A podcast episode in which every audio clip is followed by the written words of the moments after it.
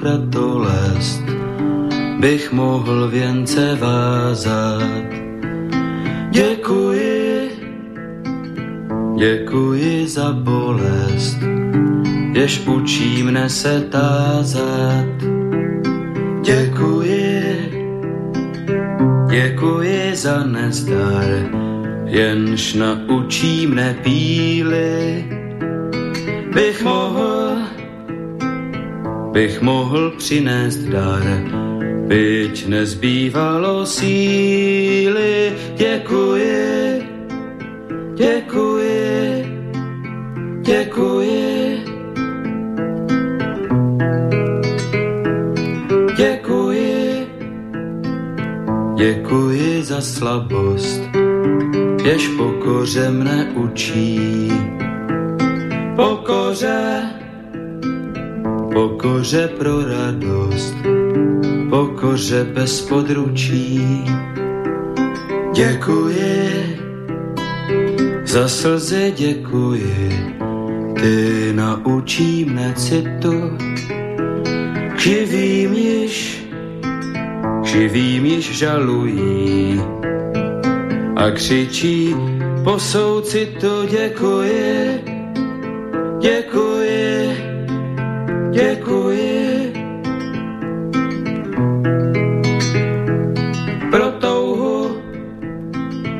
pro touhu po kráse, děkuji za ošklivost, za to, že... Dobrý večer, vážení posluchači. Stanislav Novotný zdraví srdečně z Prahy všechny Slováky a Čechy, který není lhostejný osud našich zemí, našich národů. Je zřejmé, že povaha a podoba euroatlantické civilizace se mění takřka před očima a že se celý svět dostává do nového pohybu. Je také zřejmé, že tento pohyb má a bude mít značný vliv na kvalitu života jednoho každého z nás a na naše národní bytí uprostřed Evropy. O projekt těchto změn, o jejich důsledcích, o jejich fatálnosti, či naopak o možných reakcích a řešeních, tedy o jejich plusech a mínusech si povídáme v pořadu na Prahu změn. Jinými slovy diskutujeme o zkušenostech, znalostech, názorech a činech výrazných osobností žijících v naší složité době. Dnes si budu povídat s Václavem Polívkou a vy se, milí posluchači, můžete zapojit do debaty také, pokud pošlete svůj dotaz na adresu studiozavináčslobodnývysílač.sk nebo budete-li telefonovat na číslo 0483810101 a to tedy ze Slovenska a z České republiky můžete zavolat na číslo 00421480101. Václav Polívka, hudebník renesančního rozhledu a zájmu i mistr České republiky v bezmotorové letecké akrobaci.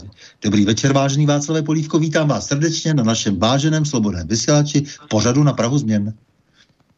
Dobrý večer, já zdravím všechny svoje přátele v Čechách, ve Slesku na Moravě i vznešené cizince na Slovensku, včetně tedy mých českých přátel na Slovensku, pokud poslouchají. Nádherný úvod.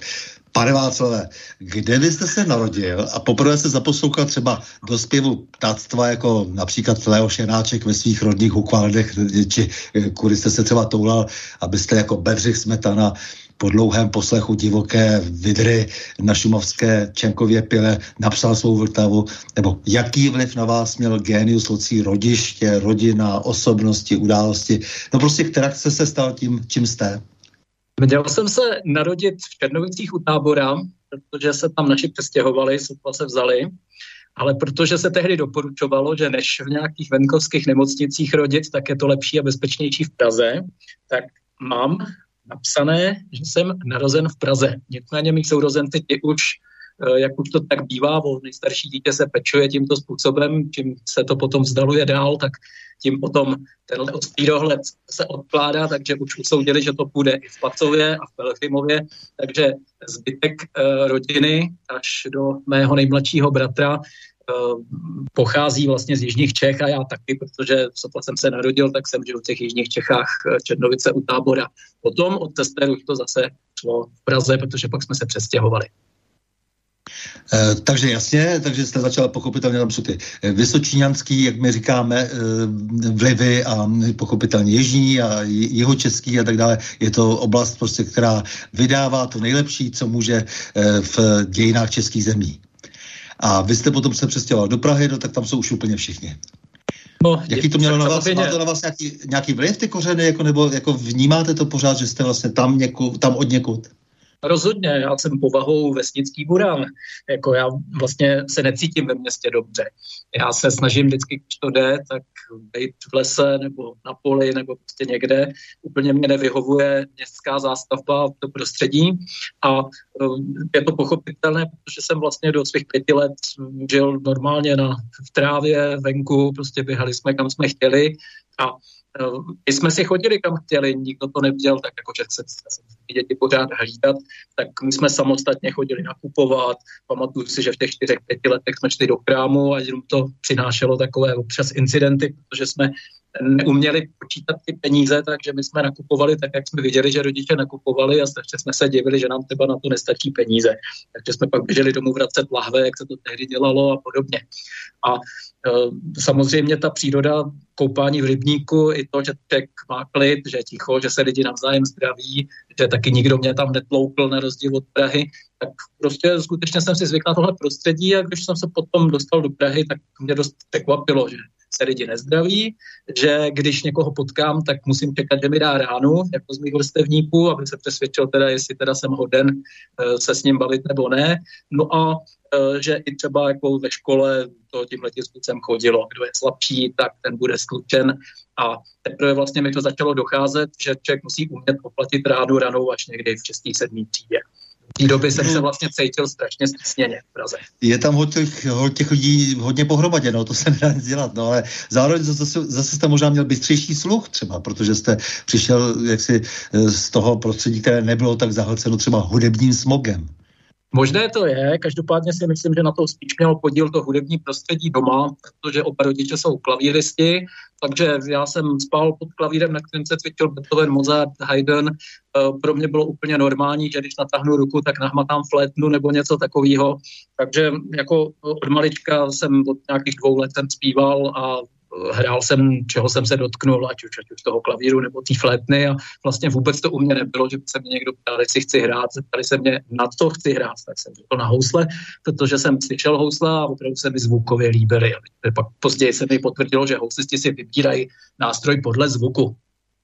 Vy jste jedním vůbec z našich nejlepších houslistů, ale přesto jste chtěl, abych do upoutávky napsal, že jste prostě hudebník, nechtěl jste z toho dělat jako nějakou, eh, nějaké drama, nějaký marketing, vlastně, což je nesmírně sympatické, ale já to musím zmínit za vás, jste vynikající houslista a samozřejmě ovládáte celou řadu dalších nástrojů, ale o tom nám tady teď budete povídat určitě. Eh, takže jak to začalo? Takže nejprve jste prostě šátral, eh, námatal jste různé nástroje a hlavně rodiče eh, vám eh, přece jenom vysvětlili, že muzika je taky disciplína, asi ne? Nebo jak to, jak to celé bylo?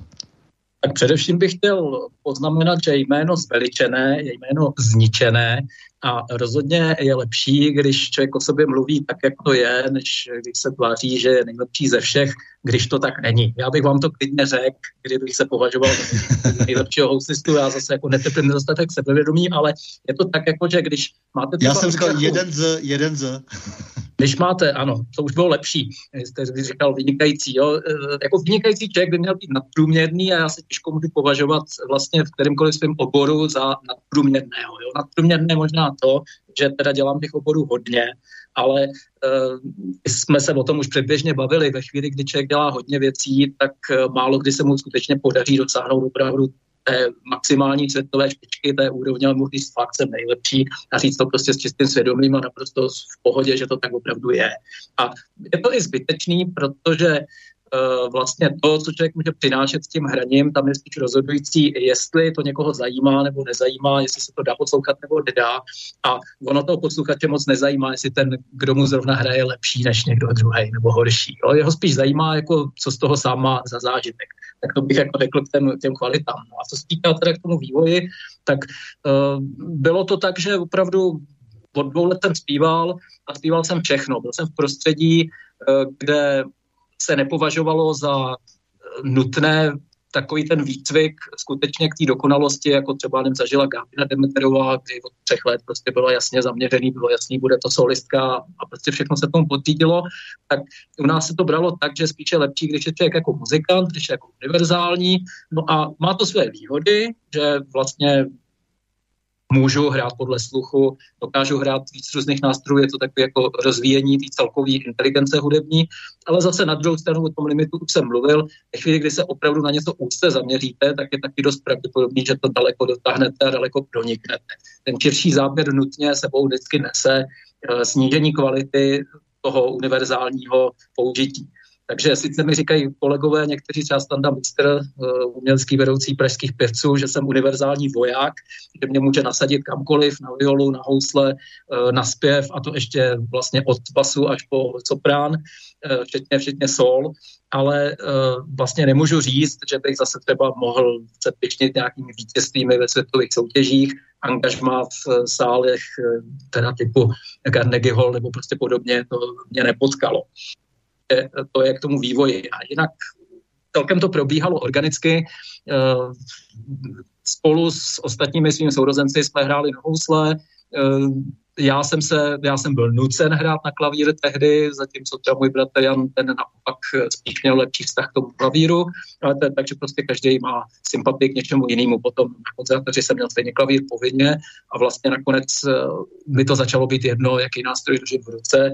Prostě jsem hrál to, co jsem měl a vlastně když jsem skutečně se smířil s tím, že hrát na nástroje je vyjadrování se sluchu, vlastně skrze ty ruce, tak už mi bylo celkem jedno už, jakým nástrojem teda ty ruce končí. Mm-hmm. Takže jste ale zahájil i nějak formálně tu svoji hudební dráhu, to znamená, že jste začal e, působit e, v dětském pěveckém souboru Československého rozhlasu pod vedením Čestmíra Staška, legendárního? Ano, to je, je to tak. Eh, Čestmír Stašek byl vlastně první člověk, který mě tak formoval profesionálně, protože přece jenom mý rodiče jsou muzikanti z první generace a je přece jenom taky rozdíl, když vychovává ty děti rodina, kde to má jako třeba u Wernerů je to, nebo uh, u dalších hudebních rodin, kde vlastně se to táhne několik generací a vlastně už všichni přesně vědí a jako není jsou tam žádné pochyby, ví se naprosto přesně, jak postupovat. Zatímco vlastně u mě to bylo tak, že to byly první generace vlastně profesionálních muzikantů, uh, takže jako probíhalo to tak poměrně chaoticky. Když to u už to bylo tak, že opravdu to byl dětský sport Československého rozhlasu, no tak to muselo mít nějakou úroveň. No a my jsme se tam zapsali nejdřív do kurzu, kde nás teda naučil číst noty pořádně, zpívat not a e, samozřejmě tomu pomáhalo i to, že jsme hráli na ty nástroje potom jsem byl zařazen do doplňovacího sboru a nakonec jsem skutečně se dostal do koncertního oddělení, se kterým jsem teda i tehdy sjezdil na tu krátkou dobu, co jsem byl v Německo-Francii, takže dostal jsem se na ten západ i ještě za totáče a viděl jsem i ty způsoby, kolik jsem musel podepsat papíru a viděl jsem i, jakým způsobem třeba Čestmír Staček bojoval vlastně s tehdejší eh, společností, kdy on byl uh, třeba přihlásil, aby my jsme měli klid, aby nás poučtěli na ty zájezdy, tak on přihlásil celý ten sbor jako pionýrskou organizaci a uh, řekl nám, kdyby vás někdo otravoval ve škole, tak tohle prostě řekněte, že jste pionýři. jsme samozřejmě nevěděli o tom nic, ale prostě byli jsme pionýrská organizace, tak jsme měli klid. A on byl pověstný vlastně, že uměl vytvářet legendy, že, že, že opravdu se o, to, o tu muziku staral natolik, že jak si byl ochoten najít jako ty, ty, ty různé úzké cesty. Ano, to rozhodně jo. A jinak byl to, byl to člověk, který organizoval soustředění pro ty zpěváky, opravdu se o to snažil pečlivě a snad jediný, co jsem se u něj pořádně nenaučil, bylo vlastně hodně si všímat kvality hlasu, protože on byl taky vlastně zaměřený mm. muzikant, byl to taky spíš člověk, který uh, preferoval spíš inteligenci hudební než před krásou tónu, takže já jsem třeba vyhrál tímhle způsobem konkurs prostě protože jsem ty noty přečetl, takže pak jsem měl nějaký solo v rozhlase, ale prostě bylo to spíš proto, že jsem to dokázal rychle přečíst, než proto, že bych se skutečně na to perfektně hodil. A v tomhle tom se to zase lišilo od třeba Bambiny Praga, kde se hodně teda dbalo na to, aby byly hlasy perfektní a proto vlastně se dá říct, že Bambiny Praga skutečně dosahoval lepších zvukových výsledků než ten rozhlasový sbor. Ale samozřejmě zase pro, to muzikantský, pro tu muzikantskou budoucnost tak bylo velice cené, že se dělaly ty teoretické věci, že opravdu jsem se teda naučil číst dobře noty a, a opravdu se orientovat rychle a, a vlastně rozvíjel jsem si spíš tu zase hudební inteligenci, než to jednostranné zaměření. Eh, teď bych udělal politickou suvku, protože já se tady vždycky ptám jako na takové ty důležité historické předěly eh, v životě každého a to určitě byl rok 89, ale vám tehdy bylo teprve 15 let, jestli správně počítám. To, to znamená, že jste opravdu vstupoval do toho dospělého světa až vlastně po změnách v roce 89. Jak na vás ty změny zapůsobily, co to s vámi udělalo, jak jste to tehdy vnímal? My jsme byli velký revolucionáři, chodili jsme jako, jako kluci na všechny ty demonstrace, akorát, že jako jsme se spíš tak snažili se vždycky sklidit, aby jsme nestihli nějakou ránu ale uh, když to potom proběhlo, no tak jsem měl možnost letos pozorovat, protože uh, jednak bylo fajn, že teda šli komunisti konečně do háje, jenomže to jsme ještě netušili, že vůbec vlastně do háje nešli, že to je celý jako uh, vlastně kulisa, že my jim tam akorát děláme statisty, že jako solisti jsou v tomhle případě a ředitele ansámblu úplně někde jinde. No a Eh, pak eh, byly tam vtipné historky s tím spojené. Já si pamatuju, jak jsme přišli do prvního ročníku a teď tam řekli všem tak a vstoupíte do SSM, Svazu socialistické mládeže. No a teď se čekalo, že celá třída tam vstoupí, jenomže protože už to byl rok 88, tak my jsme okamžitě začali kolovat po třídě uh, papír, kde bylo napsáno, kdo vstoupí, neprohloupí a, a vstupte a bude vám dobře, prostě podobný ironický hesla a všichni bylo to rozdělený, kdo nevstoupí, kdo vstoupí a všichni se napsali do toho, kde nevstoupí. Výjimkou byly pouze dva a to byly oba dva hluboce věřící lidi, kteří měli už zkušenost s persekucí, takže radši vstoupili. Ale my, co jsme vlastně ještě nevěděli, že by komunisti si taky mohli jako ukázat zuby, protože my jsme neměli zkušenost jako s 50. letama, no to jsme si z toho vůbec nic nedělali. Prostě jsme to udělali tak, jako že nic a co budete dělat. No a nestalo se vůbec nic. Prostě nám řekl, no tak dobře, no tak nám řekla paní učitelka, eh, profesorka říkala, no my vás nutit, jako to vy nemůžete udělat, ale my vás nutit nebudeme. Nakonec prostě pokrčila ramenama a nechala to být. No a potom ty, ty revoluci, tak jsem, ještě nám to tam říkal, tenkrát předseda SSM za náma přišel, vyprávěl nám o výhodách, jenomže my jsme už taky věděli, že třeba SSM se zaručilo za našeho spolužáka, který místo aby vrátil někomu peníze, tak ho placil sekerou. Takže nebyla to úplně nejlepší reklama, my jsme to všichni věděli. Takže chvíli, kdy, eh, kdy nám tohle říkal, tak mu to i někdo tam řekl, jako, že teda se nás taky, když takhle jako preštíme, tak se nás taky takhle hezky zastanete.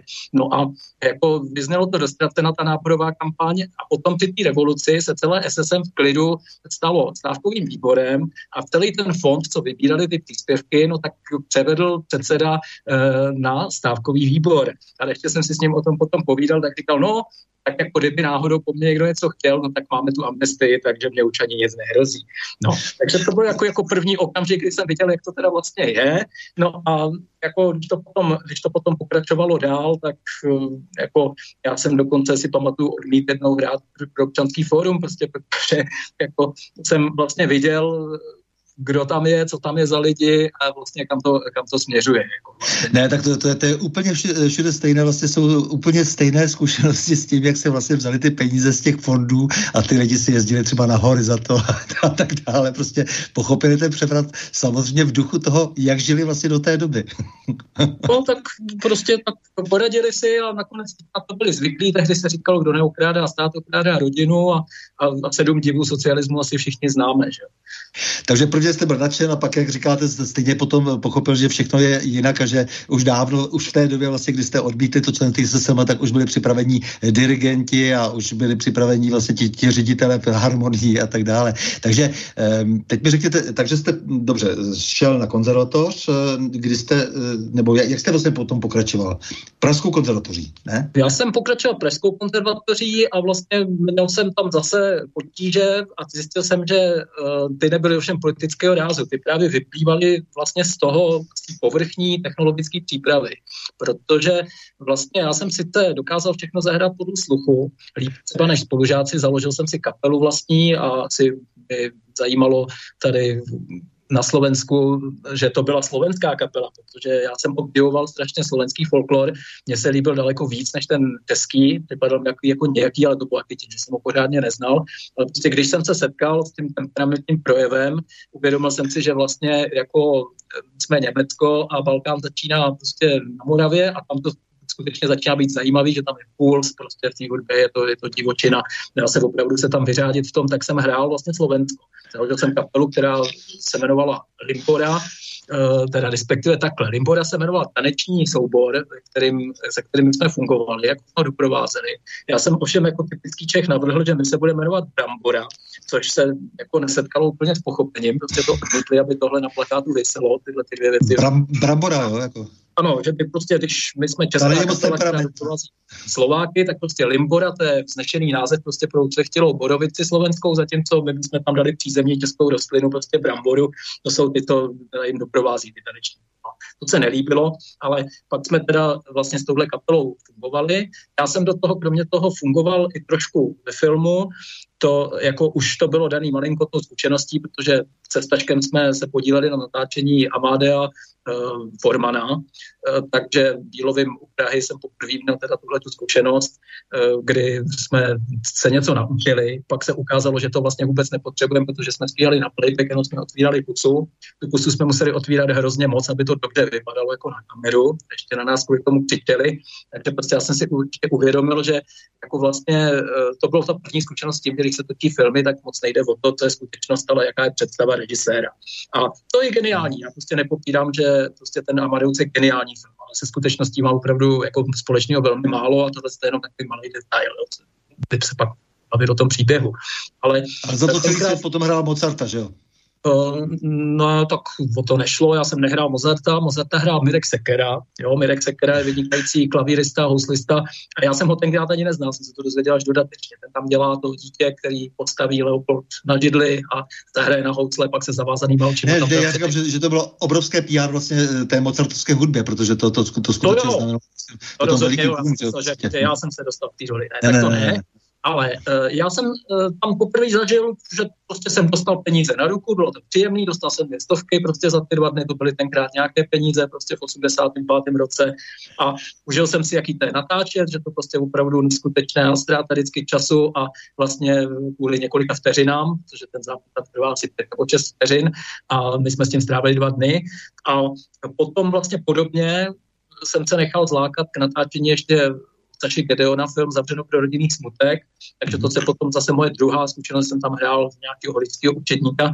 No a do toho jsem vlastně neměl bůh jakou techniku, takže já jsem měl prostě na konzervatoři potíže. Jo? Mě se tam hrálo špatně a vlastně byl jsem na vyhození občas i a vlastně uh, tehdy jsem začal právě přemýšlet nad tím, jak to dělat, jak je možné, že ostatní vlastně jako přesto, že třeba jim to tolik nemyslí, jako co se týká třeba harmonie nebo, nebo vnímání improvizace a prostě podobně, ale přitom hrajou mnohem líp než já.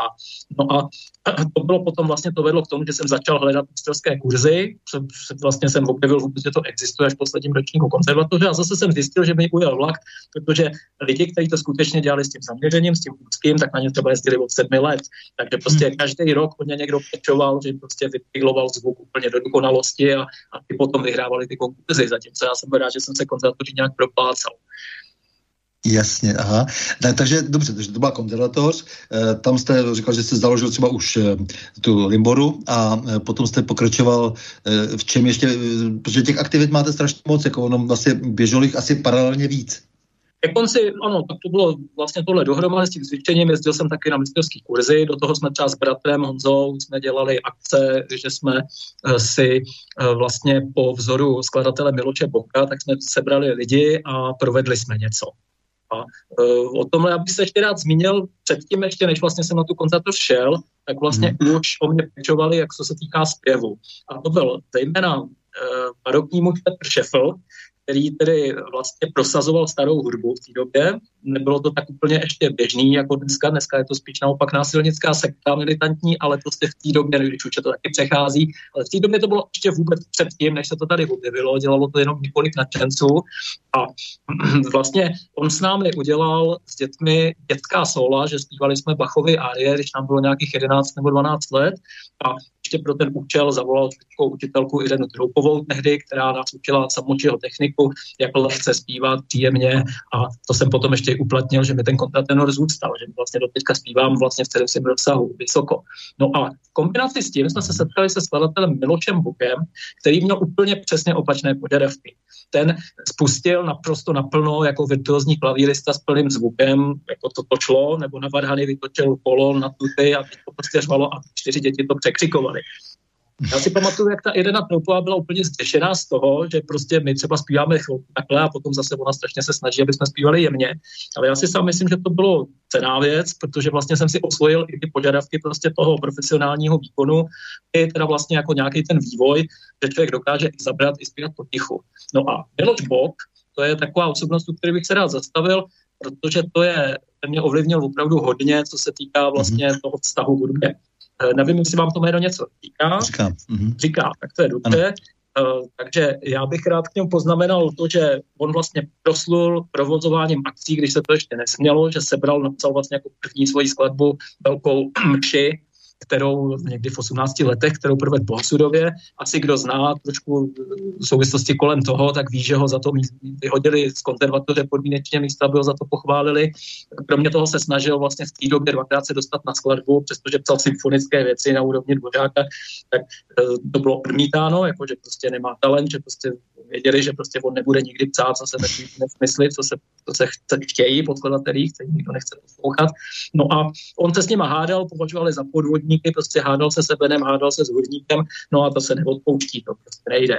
No a e, měl vlastně potíže taky obrovský, ale jako on byl schopný natchnout třeba 100 lidí, že někam odjeli, něco provedli, no a my jsme to začali tak jako dělat po něm, že jsme vlastně jako taky sebrali ne tak velký akce, sebrali jsme třeba 20-30 lidí, ale prostě začali jsme provádět vytvářet různých skladby, které se nám líbily. No a vlastně takže ten vývoj byl tak organický, byla to i ta škola, tyhle ty akce, i vlastně určitý vzdělávání, který já jsem zanedbával takový v, solový, v tom solovém projevu technickým, to jsem až dostal pak rozum po konzervatoři, tak jsem vyhledal Bohumila Kotmela, naučil jsem se pak hrát líp, tam, že úplně pořádně, ale prostě tak, že, takže snadno, lehce, že mi to nenamahá, že, že už můžu říct, že prostě nehraju nesmysly. Že.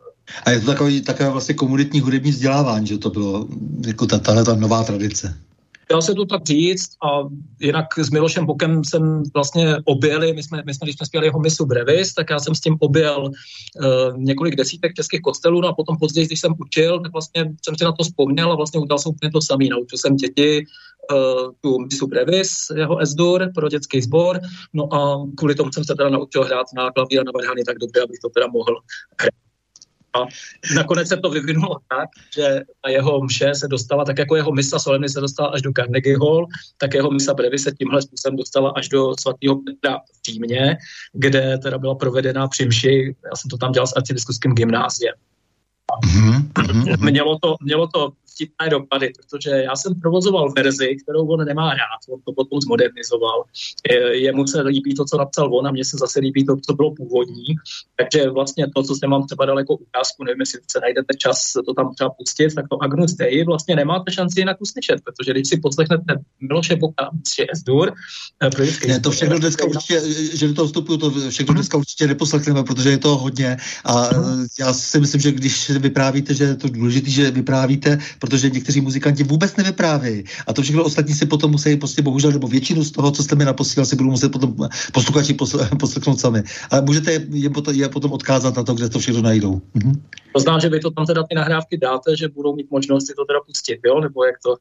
Eh, můžeme, můžeme to zmínit potom, ale já, já tady mám jenom pár jako nějakých, abychom nerušili vlastně to vaše vyprávění, protože vy máte opravdu vždycky eh, co říct a to je strašně důležité, protože, jak říkám, muzikanti často mlčí.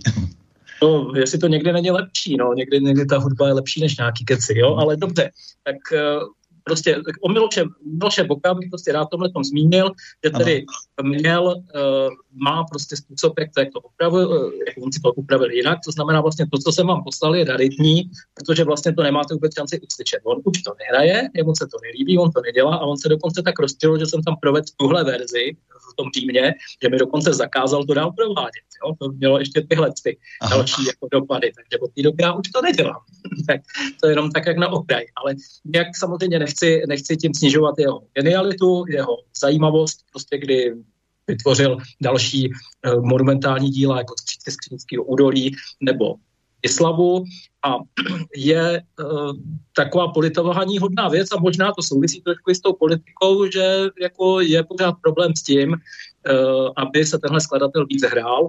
Uh, jako najde se málo kdo, kdo ho teda prosadí, kdo, kdo dá na to ty peníze, kdo vždycky si to vlastně musel volně dělat sám. Málo kdy se stalo, aby opravdu nějaká česká filharmonie, FOK nebo prostě renomovaný orchestry řekli tak fajn, tady hraje všechny možný voloviny a teď bychom taky mohli udělat Miločebu. Takže Miloš Bok, protože vy jste slíbil, že budete hovořit také o osobnostech, které vás ovlivnily a oso- osobnostech, které, o, o kterých si myslíte, že se málo ví a měly by e, být e, slyšeny. Takže e, pojďme dál, vy jste teda samozřejmě se ještě potom rozdělil po světě, to je, to je dost zajímavé. E, kde jste všude a, a proč byl?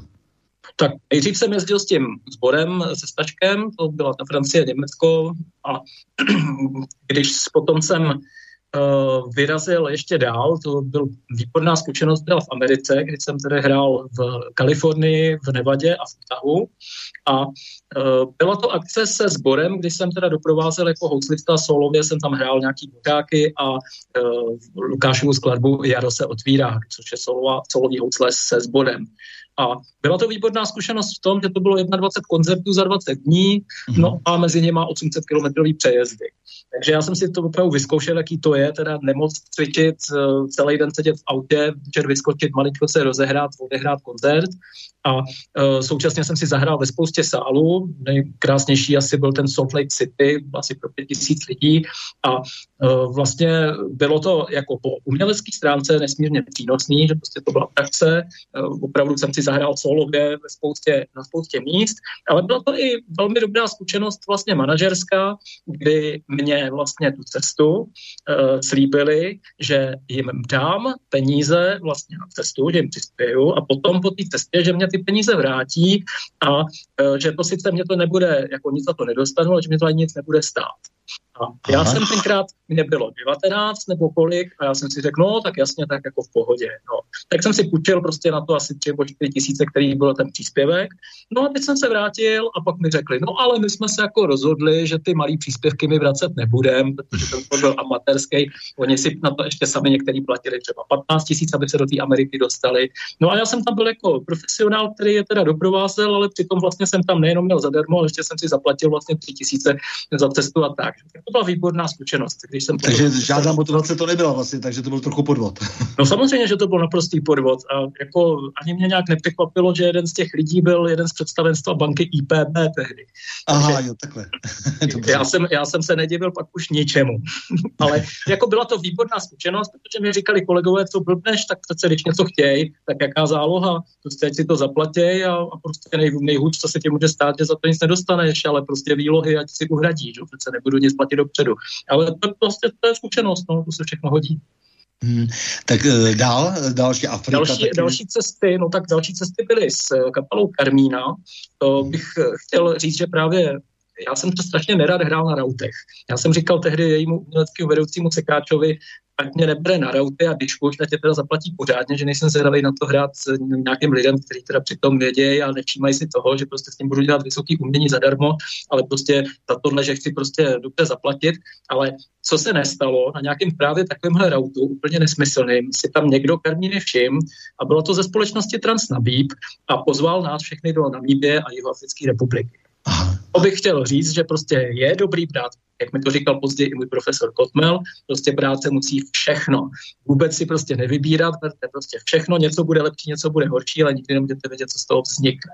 No a tady z toho vznikl ten zájezd a uh, to bylo pozoruhodné, že Namato je pouštní země, uh, tam vlastně ta země na Namibie je třikrát větší než Německo, ale má počet obyvatel uh, asi jenom jeden milion. Uh, hlavní město je asi tak jako Pardubice, ten Windhoek. Lítá tam letadlo z Frankfurtu. No a my jsme tam objeli uh, ty různé oázy, které jsou tam mezi těma pouštěma s nestydatým luxusem. No a uh, užívali jsme si na Míby. To bylo, tam je zajímavá věc, že oni tam mají zvířata, které nejsou zavřený. Oni mají zvířata venku a zavírají ty lidi. Jo, mají vlastně vždycky nějakou, nějaký obydlený místo je oplocený a nechodí se za ten plot a pohybují se jenom autem a je zakázáno z toho auta vylíst. No a když někdo takhle na to nedá, vyleze ven, tak tam vyprávěli, jak nějaký Němec vylezl ven a když pozbírali, co z něj zbylo, tak soudili, že se setkal s Elvem. Takže to chodí takhle. A, no a co publikum, vnímavé publikum? Vnímavé publikum ano, mně se to moc líbilo a mně se i potom líbilo, když jsem, já si pamatuju dobře tu, že jsem tam cvičil tehdy koncertantní symfonii od Mozarta vedle toho repertoáru, co jsme tam hráli, to byla česká lidová hudba, ale uh, já si mám do dneška spojenou koncertantní symfonii s od Mozarta s tou Afrikou, když začnu cvičit, tak si bavím tu poušť a to vedro, nebo vedro. Přes den 30 stupňů, v noci nula, takže tam člověk nastydnul a současně měl úpal. To byl takový zvláštní stav.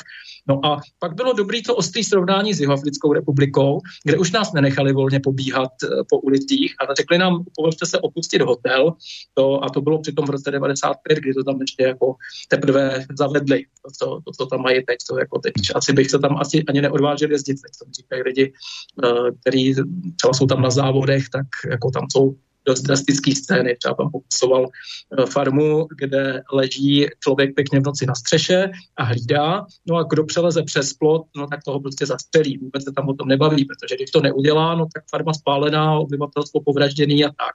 Takže jsme tam byli ještě krátce předtím. Je otázka, to... co čeká nás jednoho dne tady. Ano. No tak samozřejmě, no to jako pak to když, když potom jsou lidi, kteří by rádi tady měli to samý, no tak se nestačím divit, ale ono to je většinou hmm. právě že neví, o co jde.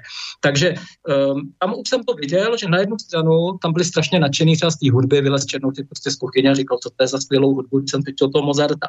No ale na druhou stranu se tam děli taky takovýhle věci. No. Takže jako to byla, to byla moje cestovatelská zkušenost.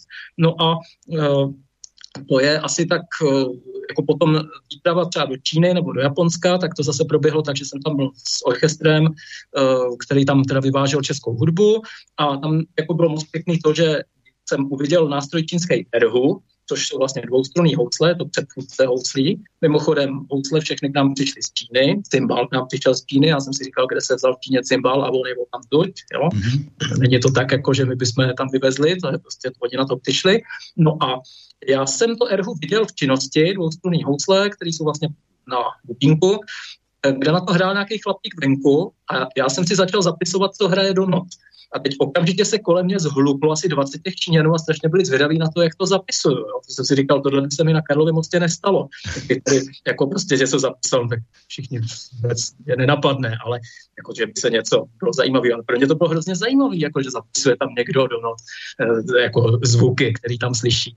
No a hned se tam objevila nějaká studentka, která mi to tam začala psát, ten text, co ten chlap zpíval.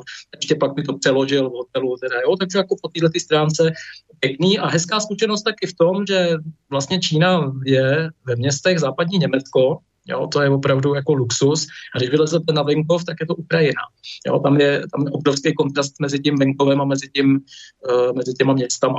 No a tak Japonsko, to je, tam jsem se pak dostal s kapelou ještě Pakfus, uh, tam jsme se vyváželi středověkou českou hudbu, nebo spíš tak světovou, ale dělali jsme to jako, že vyvážíme českou hudbu do Japonska, tak jako tam jsme zažili všechno, tajfun, zemětřesení, moři jsem se vykoupal, jako tam uh, bylo to, bylo to pěkná věc a byl tam i přístup hezký, že Japonců jako mi skvěle prodávat, tam prostě řekli, my vám prodáme ty CDčka, no a to nebylo, že tam vyloží stánek, to bylo tak, že holčička vzala prostě ty CDčka, teď ječela na celou, to bylo slyšet na 50 metrů, kupte si nejlepší CDčka z Čech, tady máte fantastickou geniální kapelu. A prostě jako šlo to opravdu strašně pofrem viděl. No, takže samé dobré dojmy z ciziny ve směs, až na to, co jsem říkal o Jižní Africe. No já bych možná jako teď udělal právě tu pauzu, aspoň nějakou, aby jsme udělali hudební pauzu a právě protože jste víc, víceméně hovořil o té mm, klasické hudbě, eh, tak si myslím, že by se hodilo to, co jste mi vlastně tady poslal, že jste v nouzovém stavu nahrál eh, tajnou při tajném ši, což se mi velmi líbí, mm, eh, jakousi, v jakémsi kostele prostě jste nahrál Adagio G-moll Johana Sebastiana Bacha a proto asi by to bylo pro tu ilustraci nebo pro, tu, pro tuhle tu část asi možná dobré tímto způsobem uzavřít, ale samozřejmě pořád se budeme vracet ke všemu možnému, protože vy asi si nebudete udělat, dělat nějaké problémy, jak si s rozlišováním hudebních žánrů, eh, prostě máte rád dobrou hudbu. Jestli to, to správně rozumím. Jasně. Takže já poprosím Borise, aby nám teď pustil uh, Bacha a Láďu Gejmol.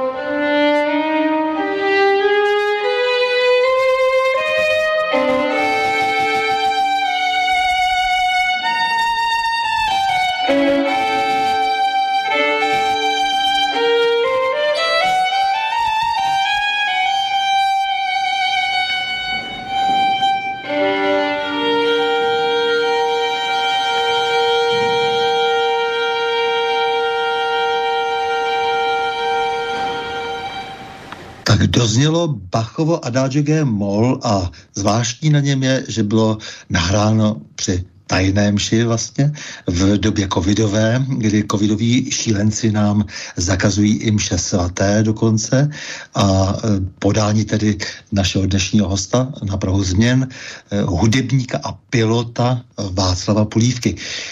Milí Václave, e, mně se líbí právě, že jste to gesto, že jste udělal, že jste, že jste nahrál v kostele, kostele něco, co se nahrávat vůbec nesmí dle covidových eh, odborníků, eh, takzvaných odborníků, eh, kteří jsou skrumpovaní až po uši a, a slouží zlu. Eh, to tak bylo někdy před rokem, nebo kdy jste to natáčel, ne? No, e, já si myslím, že snad dokonce vím docela přesně, kdy to bylo. To bylo, když jsem čel z demonstrace 28. října, která byla na Staromáku a přišel jsem tam i s tím transparentem, ještě tehdy, co jsem měl. E, hledá se další Jiří Spoděbrat a uh, on si to tam podal, ten místní farář, co já jsem tam vůbec dělal, já jsem tam byl, já jsem tam pomáhal s opravama Varhan, což je další věc, kterou já dělám s uh, Miloše Boka Ivanem Bokem. Takže já jsem věděl, že do toho kostela jako půjdu a e, nicméně on si to hezky dramaticky podal. Řekl věřícím, že utekl demonstrant před policií do kostela a že uh, je s námi a že nám skůru zahraje. Jo. To, jako samozřejmě to je taková modifikace některých skutečností za účelem dosažení dramatického účinku. Prostě lhal, když se tiskne, ale, ale prostě uh, bylo to dobře vymyšleno, on to potom uvedl jako si na pravou míru, protože on si nemohl odpustit to takhle podat, takže pak jim farář, pan farář jim řekl, jak to bylo doopravdy, že tady jako pomáhám a že to, ale, ale hezky jako pro, ten, pro tu přípravu toho, toho poslechu to jako špatné nebylo. A e, bylo to právě tehdy, když e, ministr vnitra, nakažený sám covidem, řídil z, dispečer, z dispečinku e, provokaci na staroměstském náměstí, kde se pokoušel udělat z nás, co jsme tam byli, jako včetně asi z, tehdy z prezidenta Klauze, nebo kdo to tam všechno tenkrát byl zberana e, epidemiologa, e, výtržníky a chuligány, který jako nestojí za pozornost. No, tak tohle to, vím, že po té demonstraci jsem tam takhle šel a tohle jsem tam takhle odehrál. Eh, k těm, tomu covidu se ještě dostaneme a dotáhneme ještě tu muziku vaší. Eh, vy hrajete na spoustu nástrojů, takže možná, že bude zajímavé, je to atraktivní, když vypočítáte, eh, které všechny nástroje, kromě samozřejmě brilantní hry na housle, ovládáte.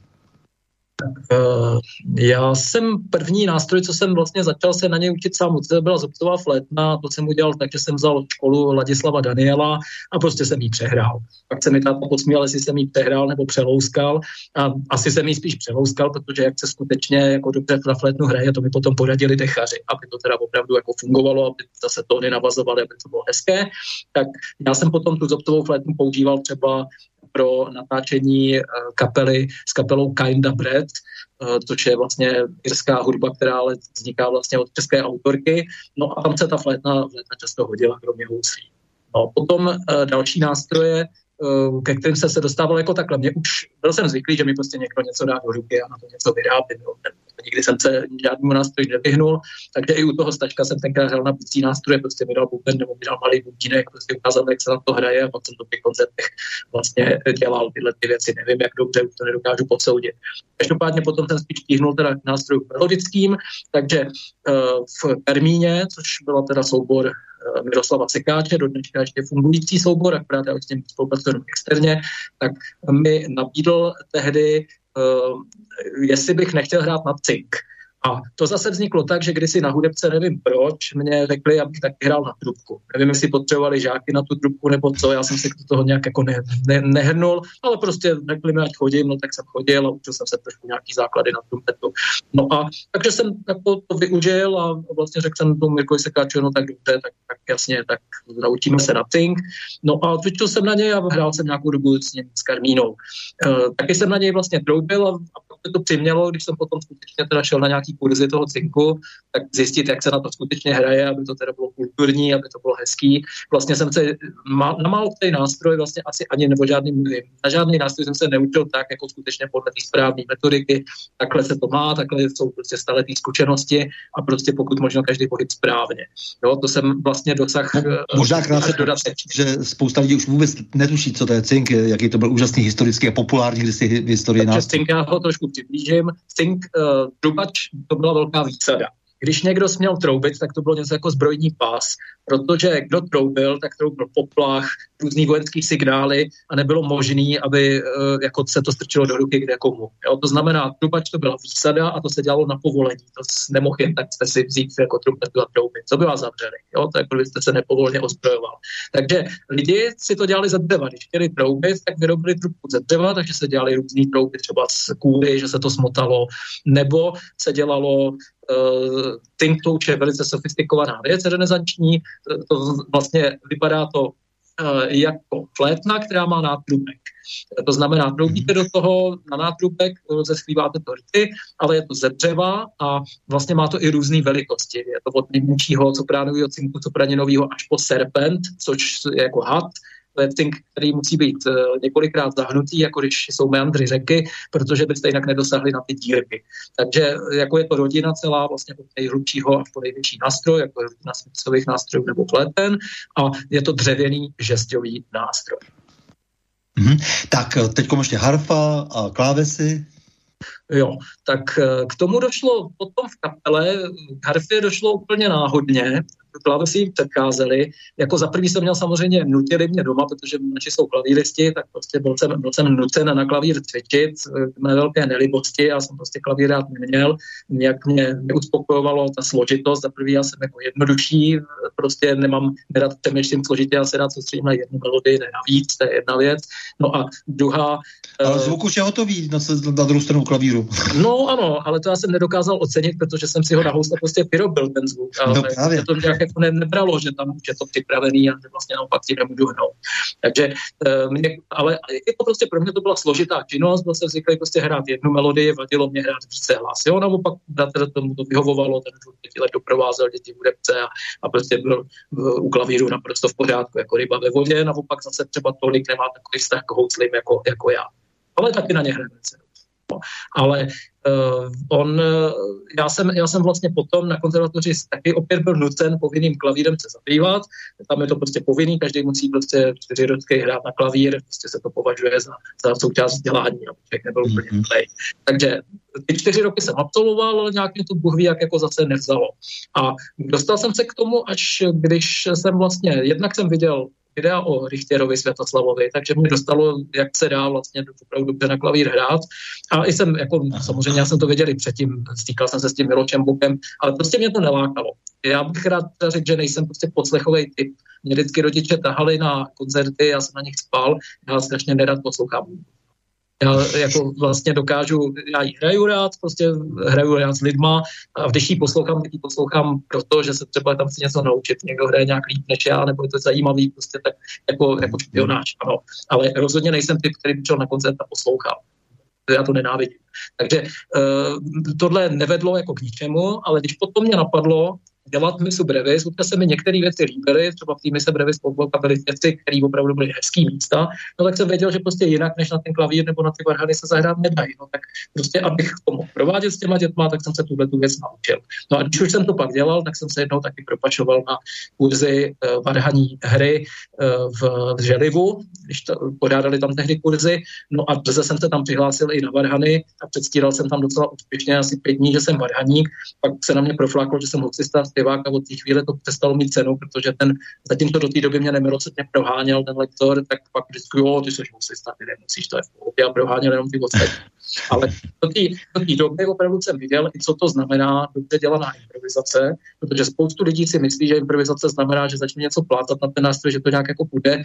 A já jsem viděl jeho pokyny. On tam dal prostě otevřel zpěvník a dal mi zahrát melodii. A pak řekl, výborně, tak si zahrál, teď k tomu udělej kontrapunkt dvě noty ku jedný, to znamená, že já hraju jednu notu té melodii a každou tu notu doprovodím dvěma jinýma notama v druhé ruce. No dobrý, tak to umíš, tak teďka fajn, teď eh, tomu jde ještě pedál, Jo. A když už to dáváš, tak dej teď tu melodii do pedálu a budeš to doprovázet v těch rukách. No a teď z toho vyrob fugetu. To znamená, že začneš jako melodii a v okvintu, o jinou polohu, když začneš tu samou melodii, ty to musí pasovat. No a já jsem vždycky cvičil, až se ze mě kouřilo, a protože tam byly varhany jenom tři, my jsme se na nich střídali, tak jsem stával tehdy ve čtyři ráno, abych mohl od čtyři do pěti do rána cvičit na varhany, protože pak už to tam zase plačil někdo další. Jo. Takže jako mám s tím spojený tyhle zážitky, ale hodilo se to i proto, že jsem teda potom skutečně objel s těma dětma spousty kostelů v Čechách, kde jsem tu misu provedl, stejně jako když si Miloš náma, no a dostalo se to i do toho Říma, takže jako já to nějak nelituju. Akorát od té doby, co mi to ten Miloš zakázal, tak už na to zase tak moc nehraju. Ale staráte se ještě o, o ty nástroje, vlastně jako spolupracujete nějak při nějakých opravách a tak dále, Varhan? Ano, uh, jinak, ale ještě abych teda dokončil ty ostatní nástroje, Eh, Mirek Sekáč taky v té Karmíně potřeboval jednou violu, tak mi prostě řekl, abych, abych zahrál na violu. No tak jsem ji vzal do ruky jako houslista a je to, potvrdilo se mi, co se říká, že prostě když chcete vyrobit eh, violistu, tak vezmete houslistu a naučkujete mu dětskou obrnu, protože vlastně ono nebylo potřeba skoro nic. Já jsem na to cvičil prostě týden a mohl jsem s ním hrát na koncertě. Potom a tím pádem mě to taky zaujalo, tak jsem si říkal, tak proč ne? A tak jako chlapček, který přestal chodit na hodiny na violu, když se naučil zahrát pár tahů od špičky, od žabky a když se optali proč, tak já mám poslední dobou tolik čestů, že nemám čas na ty hodiny, tak já jsem skutečně hned dostal nabídku na rybovku, abych si zahrál. No pak jsem se naučil na tu rybovku, pak něco ještě složitějšího, nějakou mozarta šinu a výsledek je ten, že teďka vlastně hraju i na violu, i na oucle, prostě podle požadavků. No a potom ještě došlo k, k koupi nástroje, který se jmenuje Viola Damore. A mm-hmm. to je nástroj, který vlastně taky přišel z východu, od někud z Indie, kde byly ty esradže, ono to má rezonanční struny pod kobylkou. A k tomu jsem přišel tak, že jsem chtěl dělat Bacha Janovi Pačie. Poté mi to líbilo, tak jsem usoudil, že provedu a tam jsou dvě violi d'amore. A já jsem nemohl sehnat nikoho, kdo by mi to zahrál na ty violi d'amore. Tak jsem oslovil, našel jsem jednu, eh, našel jsem Dášu tenkrát Maškovou, která to zahrála. No a tu druhou violu d'amore, kterou zrovna tehdy prodával, švýcarský, to tam někomu myslím, že prodával, tak já jsem řekl, no tak dobře, no tak já si ji koupím, tak ji budu mít. Tak jsem si za 100 tisíc koupil violu d'amore, jenom prostě pro ten účel, abych si zahrál teda Bachu, Bacha Janovi Pašie, no ale když už jsem to teda měl, tak jsem na to trošku cvičil, no a pak jsem na to zahrál teda i víc věcí časem. Ale musím říct, že viola d'amore si na sebe zatím rozhodně u mě doma nevydělala. A e, tak. jinak, co se týká, co se týká vlastně toho, té hry na ní, tak tam jsem to potom využil třeba při natáčení pořadu Filharmonici na ulici, kde chtěli udělat violu, no a jaký překvapení, když chtěli, aby někdo natočil violu, no tak se neobrátili na violistu, ale radši na houslistu. Tak ještě přejdeme všechny vlastně ty žánry, kterým jste se věnoval. Eh, těch bylo taky docela velké množství, takže opravdu eh, o vás platí to, že vás zajímá prostě dobrá muzika, že... Jo, určitě. A jestli chcete ty nástroje dokončit, tak je tam harfa určitě. To... Nebo už o tom mám mlčet o harfě. Ne, tak řekněte ještě harfu. Takže samozřejmě. harfa to vzniklo zase úplnou náhodou. Já jsem eh, mně se líbil Britain Komíníček, česká opera, tak jsem ji provedl na arcibiskupském gymnáziu, kde jsem učil a ve studiu, kde potom jsem to zpracovával, tak tam bylo úplně náhodně harfa malá, harfa, nějaká goticko-renesanční, eh, prostě s nějakýma jenom 25 eh, strunama nebo kolik to má. A jako říkal, že je na prodej, mě levně, měla krásný zvuk, když jsem ji naladil, tak jsem si ji koupil, no a samozřejmě jsem ji začal všude vnucovat, v kapele, ve středověký, v, v, i v roku, i v, i v metalu, akustickém doom metalu, co se hrají s tím Kind of No a vlastně postupně mě to zase přivedlo k tomu, že jsem, mi podařilo se setkat s Kateřinou Englichovou, která mi ukázala vlastně, jak se na to hraje fakt pořádně. A Eh, vlastně donutil jsem se pak cvičit a vlastně z toho začaly to setkání s tou Hankou Hrachovinovou, což jsou ty další nahrávky, co jsem vám poslal. To je slečna, kterou jsem potkal v Brně v noci asi v jednu, jsem se od někud vracel, ne teda z hospody, ale z nějakého čeftu do Prahy, čekal jsem na ten poslední autobus, no a potkala mě tam a viděla, že mám harfu, zajímalo co to je, tak jsme tam přímo hráli na tom nástupišti v tu jednu hodinu na to spolu. No a vlastně navázal jsem tímhle uměleckou spolupráci, ukázalo se, že to vynikající harfistka, tohoto času je teď v Japonsku a já jsem s ní udělal pár teda koncertů společných s Huslem i s harfou a e, vlastně takže jsou další z těch náhod, co říkám, prostě je dobrý, jako vlastně nikdy nevíte, co se z čeho stane. Umělecká spolupráce může vznikat naprosto netučenými způsoby. Eh, to jsem si připravil, když tak ještě potom na to přerušení vašeho velmi souvislého toku mluvy, eh, protože je důležité opravdu, abyste poslal, eh, jak si, jak vy ten svět vlastně z toho, nebo z toho muzikantského prostředí, jak přicházíte a potom, jak vidíte teda ten náš dnešní svět, protože je asi důležité, abychom si hlavně povídali také potom o, té, o tom vašem vztahu k téhle té době, protože vy jste v tom velmi radikální a to, se mi, to, mě, to mě velmi zajímá. Pojďme ještě probrat teda jako to, co, kde jste všude ještě účinkoval a pak se postupně přesuneme, eh, přesuneme do toho našeho společenského eh, dění. Já si myslím, že co se týká míst účinkování jsem celkem jako schrnul, tak prostě po podzemích Evropy i eh, převážně všech a co se týká, co se týká těch světadílů, tak to padlo, že Amerika, Amerika, Japonsko, Japonsko, Čína. Nebyl jsem nikdy v Rusku, to by mohlo být docela zajímavý, to jako nikdy se mi nepovedlo a teď si myslím, že nejlepší čerty byly v Dubaji, ale uvidíme, uvidíme, jak to bude fungovat. Teď navíc to cestování je komplikovaný. Takže toho času jsem teda v Tuzemsku, ale taky se mi podařilo vidět do Německa i v téhle době. Keltská muzika vás zajímala? Uh, ještě teď tam něco spadlo a já jsem vám nerozuměl. Keltská muzika jste říkal, že vás ještě jo, zajímá. No tak to bylo Irish Jew, to bylo vlastně krátce po té, co jsem uh, nějak dokončil konzervatoř, tak jsem, a tam jsem hrál velice krátce, ale bylo to vlastně zajímavé se tam s tím seznámit, protože to bylo vlastně Bach píče žigy, to jsou jako tance a v tom disku jsou ty žigy opravdu živý tance. Takže vlastně já jsem se tam setkal opravdu s tím tancem jako, jako opravdovým, nejenom jako, že to je historický zápis, jsme tady někde v notovém papíru, ale viděl jsem, jak se ty žigy hrajou a vlastně jsem shledal, že ta irská hudba je hodně podobná teda český lidový hudbě který jsem teda vlastně nakonec skončil. Já jsem pak jako přestal dělat to Slovensko a Moravu, že jsem objevil ty obrovské sbírky, to mě inspiroval zejména Jaroslav Krček, to vám asi něco řekne, doufám. To je jeden z nejvíc naměčích vlastně u nás e, lidí, kteří se zabývají teda českou lidovou hudbou. No a e, já jsem hrál jednak v muzice v chore, v chore, v chore Bohemice, a mm-hmm. kromě toho jsem jako sledoval i tu muziku bohemiku, jako to mě hrozně zajímalo jeho úpravy, takže to jsou vlastně žánry, kterým jsem prošel. Jinak uh, můžete, zase je tam ukázka, není na ní možná čas, ale to je zase náhoda. Šel jsem prostě z promítání tehdy toho komníčka, potkal jsem na Smíchově na lávce uh, dva kluky s počítačema, který tam hráli, vydávali elektronické zvuky, tak jsem se k něm přidal. No a mému překvapení policie, která přišla na nás, to bylo v noci, tak nás nevyhodila, ale začala si to natáčet na telefon. Takže takovou co jsem, že se to asi líbí, pak nám akorát řekli, dáme pozor, ať nám to tam neukradnou, protože jsou tam různý živly, se tam potulujou v noci, No a jako to je ta nahrávka z, z Fatech, jo? to znamená, to jsou potom s elektronickou hudbou improvizace a vlastně to je asi tak, myslím, že jsem snad uh, vyjmenoval všechno, nevím, jestli se něco. Jak vy vnímáte vůbec hudbu, k čemu slouží vám hudba, ale taky čemu by měla asi sloužit možná i ve společnosti, eh, v mezinárodním společenství, spojuje opravdu hudba národy?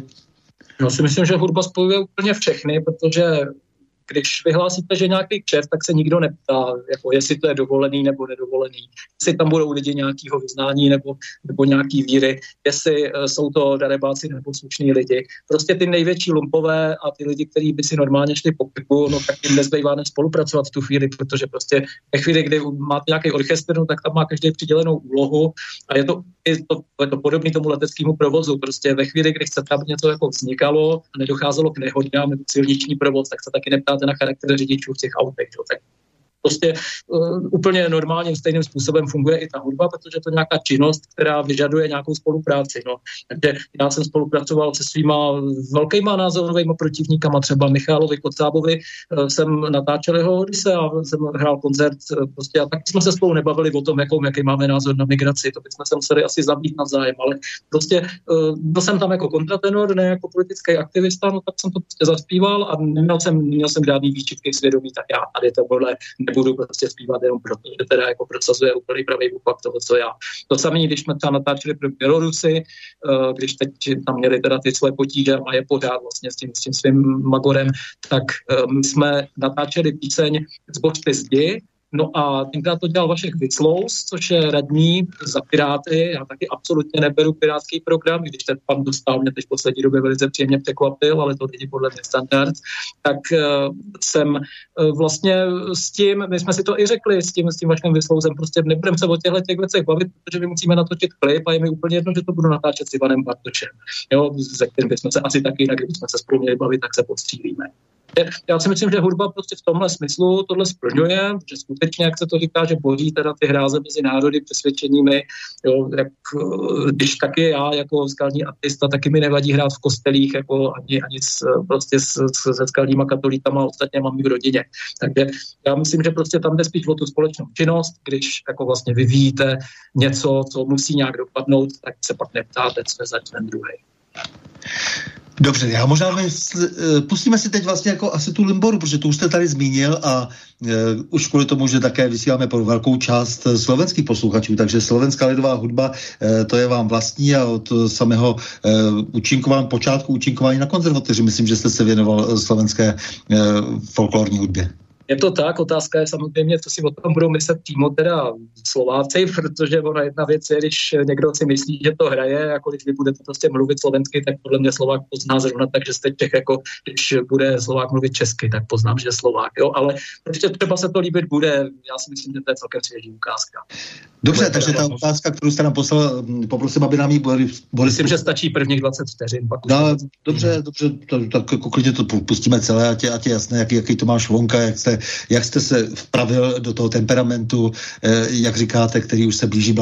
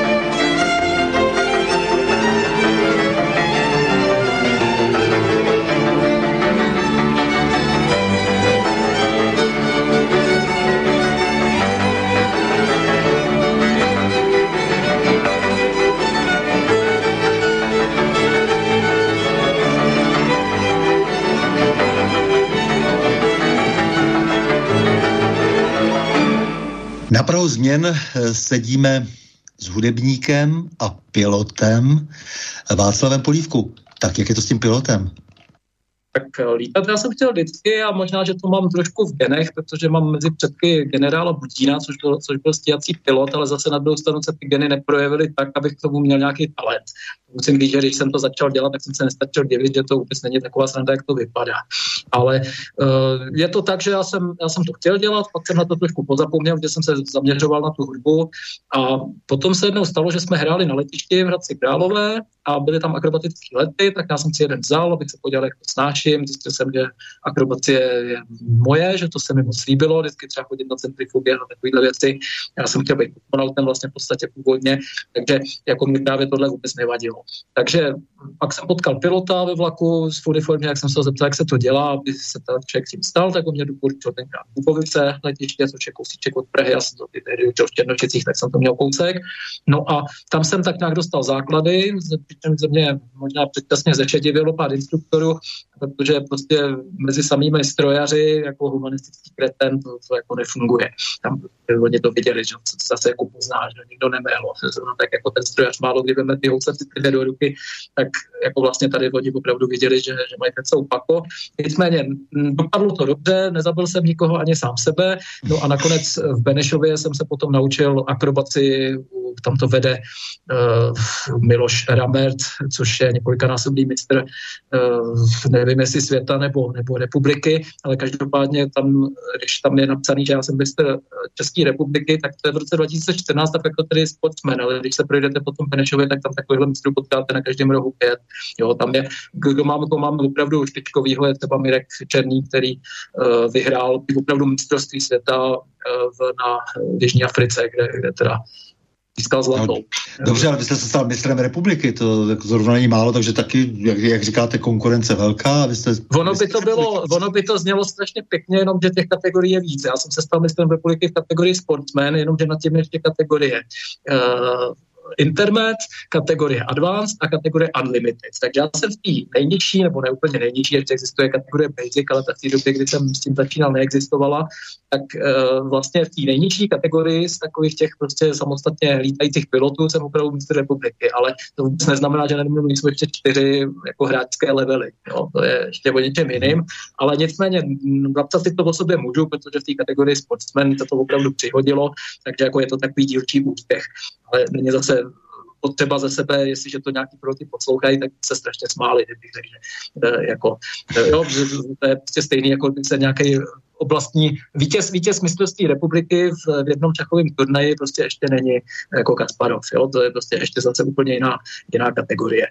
Nicméně, letectví je výborný sport právě na doplnění s tou hudbou, protože vyžaduje disciplínu, eh, vyžaduje nějakou ukázněnost, ale vyžaduje i, i improvizaci v mimořádných případech a je stejně jako u hudby založený na pohybu. Prostě letí to, když se hýbete, když se zastavíte, tak to nejde a to samé vlastně platí o té hudbě. Musí prostě pořád existovat pohyb, s tím pohybem a s tím časem se tam pracuje.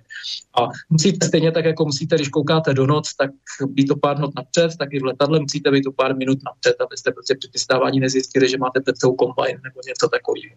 Takže e, jako je to i tvůrčí práce, ta akrobacie se dejme tomu podobá virtuozitě, že něco nacvičíte, figury uděláte pěkně, přelety zase takovýmu hraní z listu, že si jako připravíte, připravíte trasu a teď musíte doletět a číst počasí a skutečný velký mistři, jako třeba Suchánek odletí od Stuttgart za den, udělá 500 km u nás to je, jako je to umělecký obor a současně je to výborný na nervy, protože když jste instruktor a pokouší se vás několikrát denně někdo zabít, tak vlastně jako máte celkem pohodový potom přístup. Jako. Tak nám trošku popište létání. Termické, svahové, naviják, co všechno provádíte? Tak termické létání využívá stoupavých proudů, že jak slunce se opře vozem, tak ohřeje vzduch a vzduch stoupá. No a když já najdu takovou oblast, tak mě to nadnese, variometr mi taky ukáže ručičkou, kolik to stoupá, já v tom začnu kroužit. A protože ten kluzák klesá nějaký metr za vteřinu, tak jakmile ten eh, proud vzduchu, který míří nahoru, je rychlejší než ten metr za vteřinu, tak tam mám stoupání. Takže někdy v bouřkách je to třeba až 30 metrů, ale v těch my nelítáme, to se zase dělalo dřív, byly jaký hrdinové. Existuje fotografie, bouřka se blíží, plachtaři tahají kluzáky na start. Tak to už se dneska neděje, kdyby někdo vletěl do bouřky a s potlučeným, jak to popisovali kroupami, celým kluzákem s rozbitým sklem, se vítězov slavně vrátil na zem jako hrdina, nebo pošlou akorát e, na psychiatrii do e, u, u stavu leteckého zdravotnictví, aby ho přešetřili, jestli je normální. Ale e, dřív se takhle lítalo. Ono všeobecně, myslím, že my jsme se posunuli k takový jako větší opatrnosti a, a více, více hlídáme, aby prostě ty ztráty na životech nebyly. Dřív to lidi zase tolik nebrali. A co se týká jiného lítání, tak aviákový lítání znamená start pomocí navijáku, máte zapnutý lano, na konci letiště je naviják, který ho navíjí na špulku a tahne vás tak rychle, že vy vlastně stoupáte jako drak a je to kolem 100 za hodinu, eh, vypnete se potom z toho lana, tam to má svoje úskalí, když to lano se nevypne a zůstane vám vyset pod tím kuzákem, tak on navijákař sice usekne, ale pod váma je půl tuny lana, který se může o něco zachytit, takže tam je to trošku o život občas, když, když se něco stane, takže se cvičí různý nouzový postupy, jak si v takovém případě poradit. No a pak svahový lítání, tam se zase využije toho, že když vítr fouká přes horu, tak eh, tím, že narazí na ten svah, tak je ten vzduch vytlačený nahoru.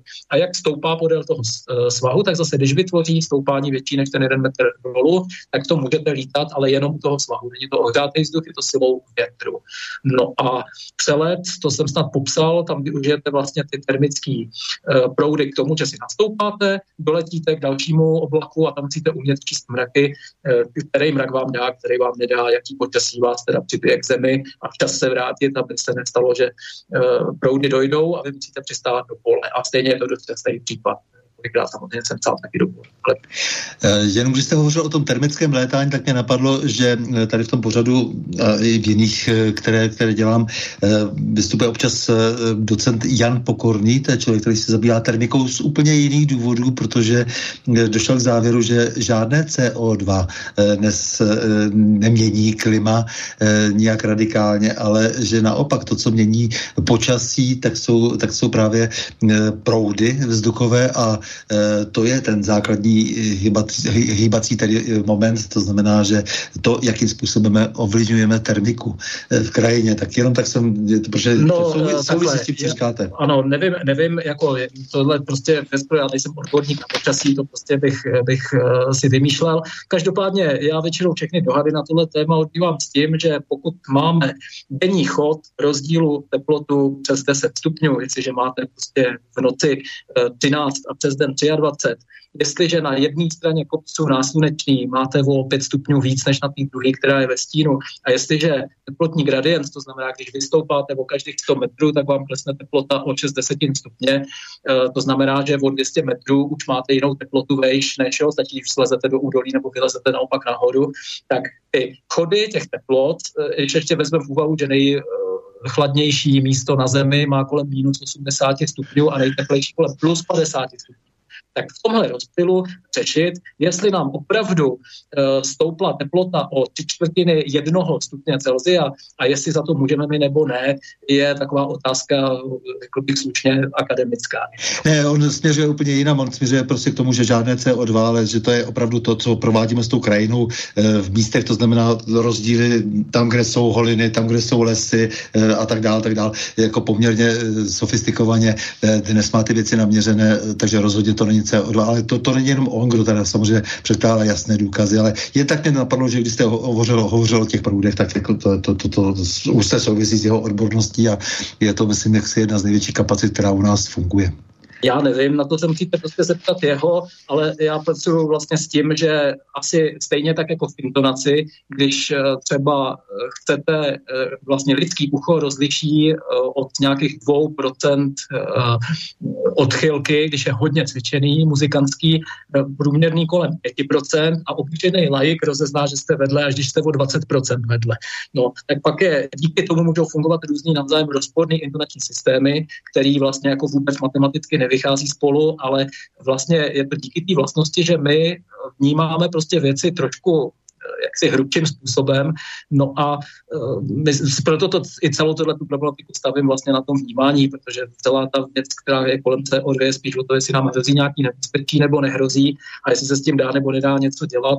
Takže jako já si především myslím, že se tady řeší něco, co je téměř neměřitelné. Věřím, nebo pokud měřitelné, tak pro nás ne. Věnujete se životosprávě, od jogy, šachy jste zmínil. Jak hrajete šachy na nějaké mistrovské úrovni dokonce? Nebo ne? Šachy, šachy nehraju na mistrovské úrovni, ale hodně se tím zabýval můj bratr, takže já jsem s ním hrál bleskovky a já jsem se inspiroval, jednak mě teda nutili zase domů, jako šachy jsme hráli doma, ale mě to zase až tak nějak bohu jak nebralo, ale dozvěděl jsem se, že třeba teďko housista David Oistrach byl minister Sovětského svazu a že vlastně jako skutečně hrál na té špičkové úrovně, hrál turnaje, hrál výborně.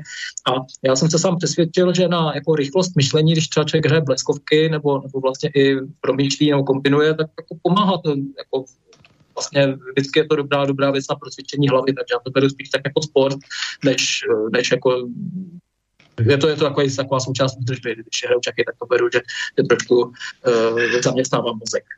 A co se týká jogy, no tak to je normální vlastně hatha yoga podle Lisbeta, ten napsal úžasnou knížku yoga, vlastně, kde se někdo ze 70. let tam krásně popsaná velice příjemná série, která nedá moc práce a která je velice účinná. On sám to určil vlastně pro lidi na západě, kteří nemají často cvičit moc dlouho. A já vím, že když nejsem lenoch a opravdu tomu dám denně těch, těch prostě 40-50 minut, no tak nemám ani rýmu. Je to prostě věc, která je strašně zdravá, jak, jak teda na záda, tak, tak i vůbec na celkovou kondici. V posledních téměř dvou letech jsme pojali do slovníku nové výrazy. Nouzový stav, lockdown, eh, jakož je takové to samozřejmě eh, hromadné a kontinuální omezování ústavních práv a svobod. Směřovali jsme se s postupným zneplatňováním právního řádu, rozsáhlou nefunkčností justice, soustavy státních zástupců s odcizením státní zprávy, která už otevřeně slouží globálním cílům. Eh, tak jak jste se najednou ocitl v té mlínici, protože s tím velkým zázemem, muzikantským, Eh, emočním, dejme tomu, estetickým vnímáním eh, věcí, zároveň se svou disciplínou, eh, tak najednou jste si, jak si ty věci srovnal a řekl jste, tak tohle ne, to se mi nelíbí, proti tomu aktivně vystoupím. Tak ono ve chvíli, kdy to přišlo, tak já jsem to nejdřív uvítal, protože jsem poměrně vytížený a jsem prostě týden jenom spal. Já jsem si říkal, no výborně, tak si konečně odpočinu. No a když jsem se pak jako začal starat zase o svět, poté, co jsem si pořádně odpočinul, jak jsem se podíval, proč se to teda děje. No. Tak podíval jsem se na ty čísla, uh, podíval jsem se vlastně na procenta, říkal jsem si, no tak dobře, tak jestli tady máme možná, že opravdu u mě hladina předběžné opatrnosti je nízká, taky se říká o muzikantech, že mají nižší práh frustrační tolerance, ale každopádně prostě mně se zdálo, že pokud 5% lidí potřebuje na nějakou věc nemocnici, takže mě to absolutně nezajímá. Tak to byla jako první věc. Pak jsem se teda podíval, kolik je teda těch mrtvých, zase jsem si říkal 1% mrtvých, to mě teda fakt taky nezajímá. Potom uh, jsem uh, se dozvěděl, že na letišti budeme lítat, protože navzdory těm závěrám uh, někdo prosadil, si z UCL jako z Úřadu pro civilní letectví, ale prostě s někým si se pobavili hodně vysoko a řekli mu, podívejte se, my jsme v letadlech sami, tak co nás tím otravujete? My jsme tam dva, a tak oni řekli, no to máte sice pravdu, ale my zase nemůžeme povolit jenom letecký sporty. No tak povolíme všechny sporty. Tak tady máte sladké tajemství, proč byly povoleny jedno zničilnit sporty.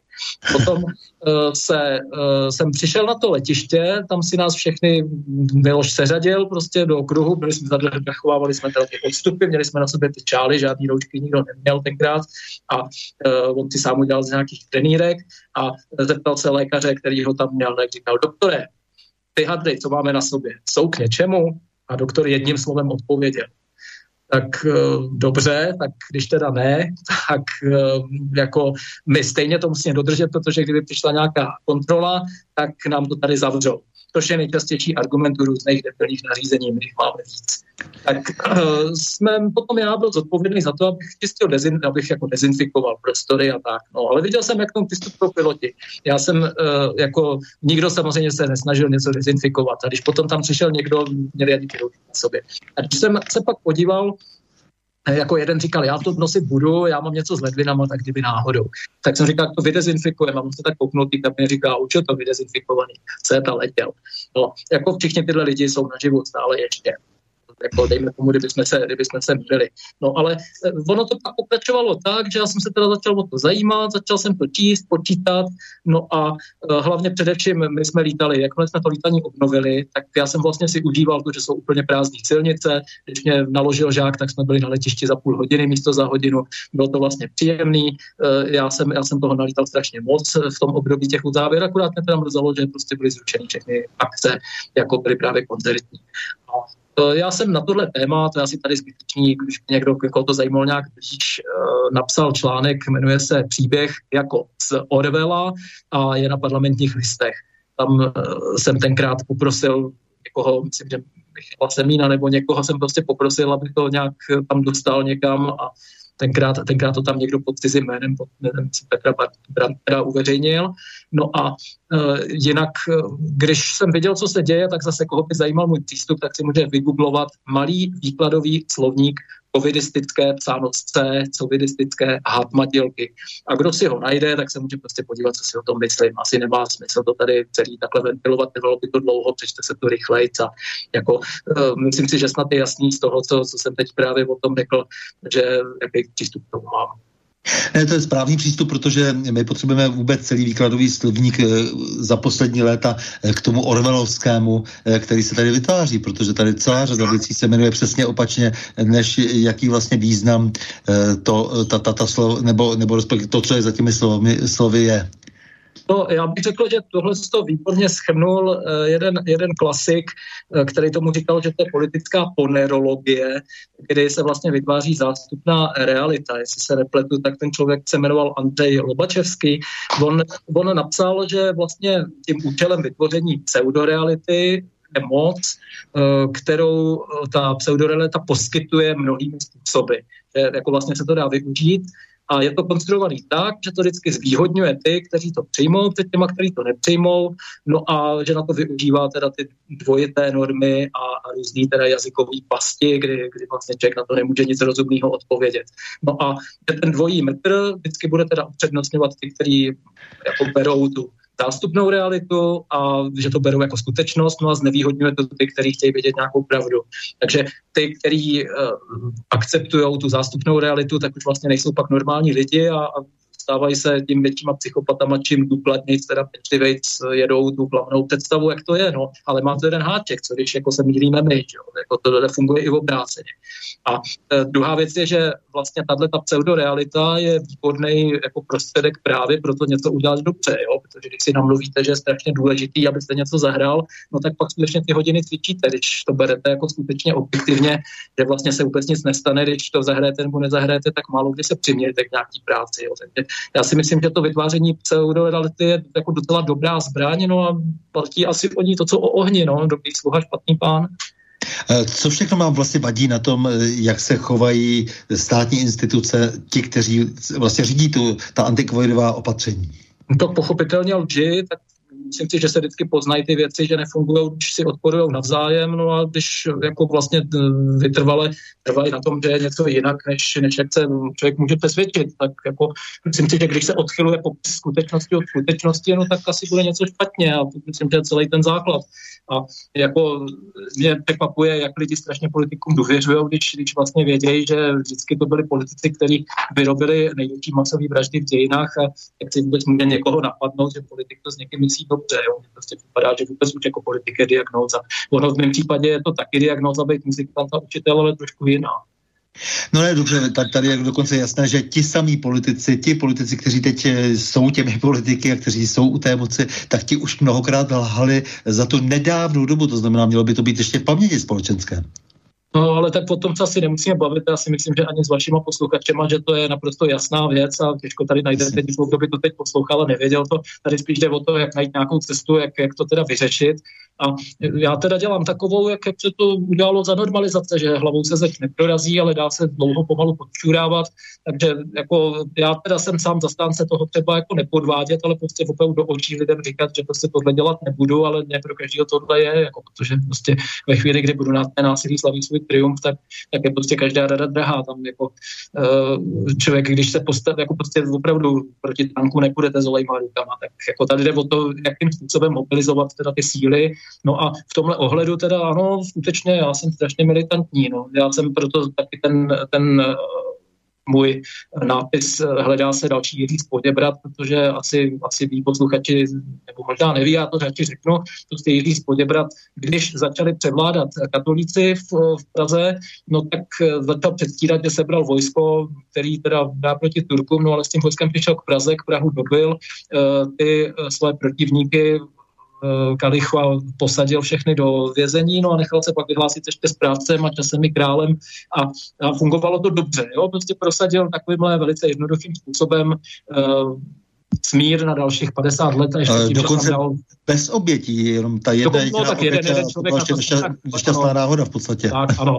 Ale šlo o to, že ještě i tím, jak jsem posadil ty litevský jagelonce, tak vlastně jako zachránil na dlouhou dobu tady mír a nemůže za to, že potom ty naši blbci si zase znova zvolili Habsburky, jako, no tak to nemohlo jinak dopadnout. Ale jako proto, proto, co on udělal za ten svůj život, tak prostě skutečně jsem podařil a dokonce i přesto, že ho papež dal do kladby, tak to ještě uhrál, protože papež prostě na to sílu neměl aby, aby ho teda jako skutečně mohl vyslat nějakou výpravu. Takže tady to, to drze čelo je lepší než poplužní dvůr, no a samozřejmě ta ozbrojená moc, takže prostě moje představa je, kdokoliv teda z ozbrojených složek, eh, kdo se toho ujme, tak podle mě, kdyby vzal 50 50 chlapů a každýho z čelných povidistů doma navštívila urna, která ho prostě normálně zavře a pak by se teda soudilo, co dál, vrátili se zákony zpátky prostě do roku 2020, tak prostě já bych s tím žádný problém neměl, abych ho podpořil a stejně jako to Jiřího Spoděbrat bych prostě jako hlasoval pro to, aby byl tedy správcem země, kdyby prostě tady vyhlásil monarchii, kdyby to fakt bylo jedno. Protože to, co se děje teď, už nemá společného s demokracií vůbec nic a jako, já myslím, že jako není vždycky, nejsem, teda mi vždycky říkal, že prostě, když jsem říkal, že všechno funguje silou, tak mě se mě jako diplomat pokoušel přesvědčit, že ne, že už jako čím dál tím víc lidí jako vyjednávají a tak, ale jako já se spíš jako prakticky přesvědčuju o opaku, že kdo má větší ne, ono za, za tu diplomaci je vždycky nějaká síla samozřejmě. Eh, no, ano. Když dnes se chovají naši tak, jak se chovají na tom mezinárodním kolbišti, a to znamená, že jenom posluhují jedné straně, eh, takzvaně diplomaticky, tak je, je to jenom to posluhování nějaké síle. No, já bych to pojmenoval tak, že dobré slovo jako zmůže hodně, ale dobrý slovo a namířený revolver ještě daleko víc. Takže jako, abych se toho neštítil. No. Jako asi, no. Já jsem, nejsem člověk, který by se štítil jako ozbrojeného povstání. Jo. Prostě myslím si, že pokud by, se pro, pokud by to proběhlo takhle slušně, jak to třeba udělal ten Jiří Spodebrat, tak si myslím, že to nemůže vadit vůbec nikomu.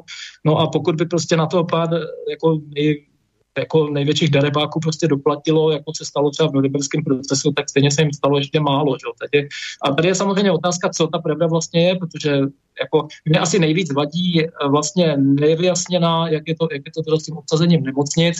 Eh, myslím tím to, že když se podívám na rok 2020, že vidím, že makali na 60% a že vlastně klesli o 10% proti roku 2019, no a že jako vlastně ty zúčastnění na těch chybkách jsou tam 4,5%.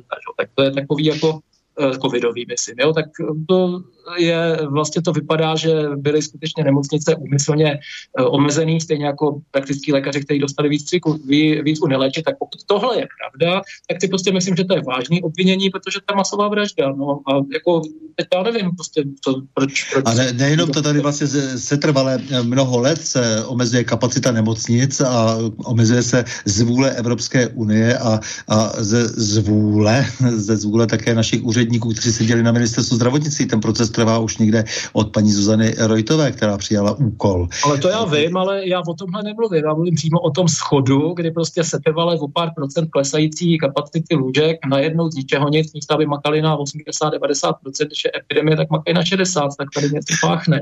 Jo, Samozřejmě a navíc ty, ty, ty veliké půjčené prostředky ne, neslouží tomu, čemu by měli, protože, jak říká jeden můj přítel, eh, za, za ty prachy, prostě, které se mezi tím rozkrádají, eh, tak eh, a půjčené peníze, tedy samozřejmě, které bude, budou splácet další generace, tak by se samozřejmě všichni mohli vybavit, vybavit třeba i kyslíkovými přístroji domů. Takže je to celé strašně pokrytecké. No dobře, ale tak oni tohle všichni tady vědí a myslím si, že to ví všichni, kdo poslouchají. Já prostě si fakt si myslím, že už celkem zbytečně tohle probírat, to je věc prostě přímo trestního řízení nějakého, nějaký žaloby, nějakého oznámení a tak, ale jako spíš si myslím, že pokud má cenu tady teď něco říkat, tak vlastně jako osobní nasazení, prostě odmítat ty věci, uh, když jim všichni řeknou, vykažte se vám na to. Já když to trvají, tak jsou stejně všichni v náhubcích, jako vědějí, že ty ruky nechrání stejně nosej, tak já nevím, co už s něma. To, to, ale je, já vám rozumím, ale je problém s tím, že opravdu toho, toho zatím Jiřího Spodibrat nevidět, který by měl tu možnost, aby zavelel a jak říkáte, aby urna si přišla pro ty, pro které si má přijít. A minister zdravotnictví Adam Vojtěch nám do konce týdne chce eh, vyhlásit vyhlášku, tedy chce jí mít už tady ve sbírce zákonu, což je docela rychlá manipulace eh, dle toho, jak vím, jak se, jak se zapisují nové normy do, eh, do sbírky zákonu, takže do konce týdne tam má být ještě, ještě zapsáno, že tady budou, bude nařízeno povinné očkování lidí starších 60 let a některých profesních skupin o němi tedy experimentálními vakcínami. No, hodlá tak vlastně svévolně porušovat naprosto ústavu, nedržovat norimberský kodex, zavádět diskriminaci, segregaci, jo, takže, takže to, je, to je prostě potřeba asi teď se k tomu nějakým způsobem postavit, protože prostě to, to je skutečně, se budou prohánět e, lidi prostě s vakcínou prostě, že v zadnici, já nevím, jako, jako co, co, chtějí vlastně dělat, e, jakým způsobem chtějí tady 10 tisíc pokuty, já nevím, jako co všechno chtějí, chtějí předvádět. No takže je třeba si asi ty věci teď vyříkat nějak prakticky.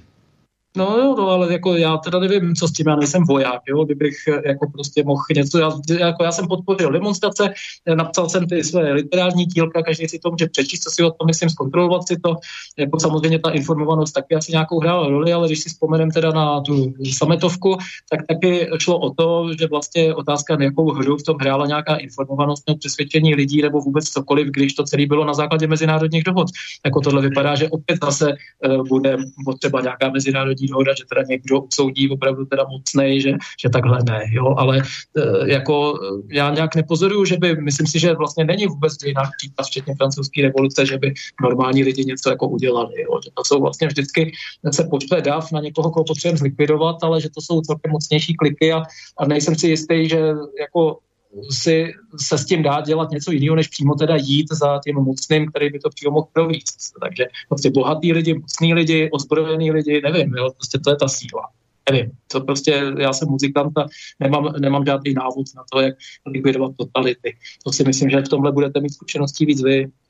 Jasně, ale mně se líbí, že jste do toho šel právě jako muzikant, proto jsem rád, že jste uh, vyprávěl o tom svém celém zázemí, protože uh, mnoho lidí, kteří by měli k tomu předpoklady, teď jste říkal jako třeba, kdo by měl víc, jak si se uh, těm věcem věnovat, třeba právníci, tak vidíte, že nedělají téměř nic, jak vypadá justice, jakým způsobem. Ale já bych neřekl, jako, když máte zdravý fórum, kde jsou furt nějaký teda žaloby, jsou, ano. Akorát nevím, jako nerozumím třeba tomu, proč nejdou tady do, těch, do toho sníženého, to se buď se já teda pletu a není to tak, jak tvrdím, anebo, nebo teda prostě jo, taky nevím, proč nenapadají tohle, ale e, další věc, jako co já si myslím je zásadní věc, napadnout vůbec e, COVID-19 jako nemoc, jejich šíření je trestně, je trestný, jo, to, to jsem i tak jako psal na ty diskuze, ale jako nemyslím si, že by tohle někdo napad, jo, i když jsem to říkal ta soudkyni, kterou se vyhodili ze Senátu, protože není očkovaná a říká, že to jako rozumí, ale jako neřekla, jak. To Opatření byla už dobře eh, argumentačně napadena, samozřejmě dokonce eh, byl, byla odeslána trestní oznámení na všechna státní zastupitelství, která samozřejmě potom postupují eh, podněty na ta místně příslušná státní zastupitelství a věcně, takže samozřejmě to už se třeba stalo a samozřejmě výsledek naprosto žádný. Takže, takže ta, ta vůle těch lidí, kteří to mají v popisu práce, tady rozhodně není nemůže, jestli jsou covidisti sami soudci, no tak jako co můžeme čekat, to je úplně stejné jako čekat v 50. letech jako nebo, nebo ve 40. letech, eh, že když budu žalovat Hitlera, že to bude mít nějaký výsledek, no, tak to asi těžko. Teď jsme se dozvěděli, že paní Lajenová, předsedkyně Evropské komise, by ráda, ráda zrušila dokonce eh, kodex eh, norimberský, to znamená, aby vlastně ty, všechny ty zásady, které tady hm, fungovaly do posud, eh, které vlastně odsoudili, odsoudili ten Mengeleovský přístup předváleční, to znamená to, co vlastně tady ty, ty, ty rodiny, které dnes, stojí mezi globalisty, které zbohatly v podstatě na tom, na tom obchodu se smrtí z, za druhé světové války, tak aby mohli pokračovat naprosto bez zábran. To je pozoruhodné. No tak já nevím, asi, asi si opravdu lidi musí tu hubu rozbít a pak budou vědět, že prostě ta vůle zatím prostě proto není. Většina, nemá to většinou podporu, volby to jasně ukázaly, že, že prostě covidisti tam zůstali, nestalo se, že by ta antikovidistické strany získaly víc hlasů, tak to prostě lidi zatím nezajímá. No, tak je otázka, jako proč informovaný asi jsou. Já si nemyslím, jako, že eh, by například uh, důkaz je to, je to, že si tady povídáme a uh, jako není, není zdaleka třeba zas až tak uh, těžký sehnat nějaké relevantní informace, jako třeba byly v těch 80. letech, jako povídali šeptem a hrozilo, že někoho zabijou. My si to tady úplně v klidně tady říkám věci, které jsou na hraně vlastně jako postižitelnosti a tak se jako nic zvláštního neděje. No. Takže jako eh, nevím, jestli pomůže ta informovanost té podstava vlastně vůbec v tomhle ohledu. Já vám můžu říct o svých podstojích, ale prostě nemůžu vám dávat žádný rady. Nevím prostě, jak se takovéhle věc řeší. Nemám s tím zkušenosti. Kdybych byl uh, revolucionář Fidel Castro nebo s někým s Kegevaldou, kdybyste se o tom radil, tak vám moci poví, jak se dělá revoluce. Já nevím. Jo, já, tohle není, moje, není můj obor. Tak já bych možná zase udělal nějakou hudební stovku a vy jste nám tady e, doporučil e, právě onu improvizaci s harfistkou Hanou e, Hrachovinovou, kterou jste, jak říkáte, náhodně potkal v Brně. E, tak tady jste poslal pět kusů, ale tak já bych e, přehrál možná zatím ten jeden. Já jsem je tam dal a... jenom tak jako na, na no, no, no. Tak, takže samozřejmě můžeme říct, že všechny další improvizace jsou na YouTube, takže pokud budou mít posluchači zájem, tak si můžou samozřejmě potom kliknout na další. Ale tu, tu, tu první třeba v pořadí eh, improvizaci si můžeme pustit. Takže poprosím zase Borise.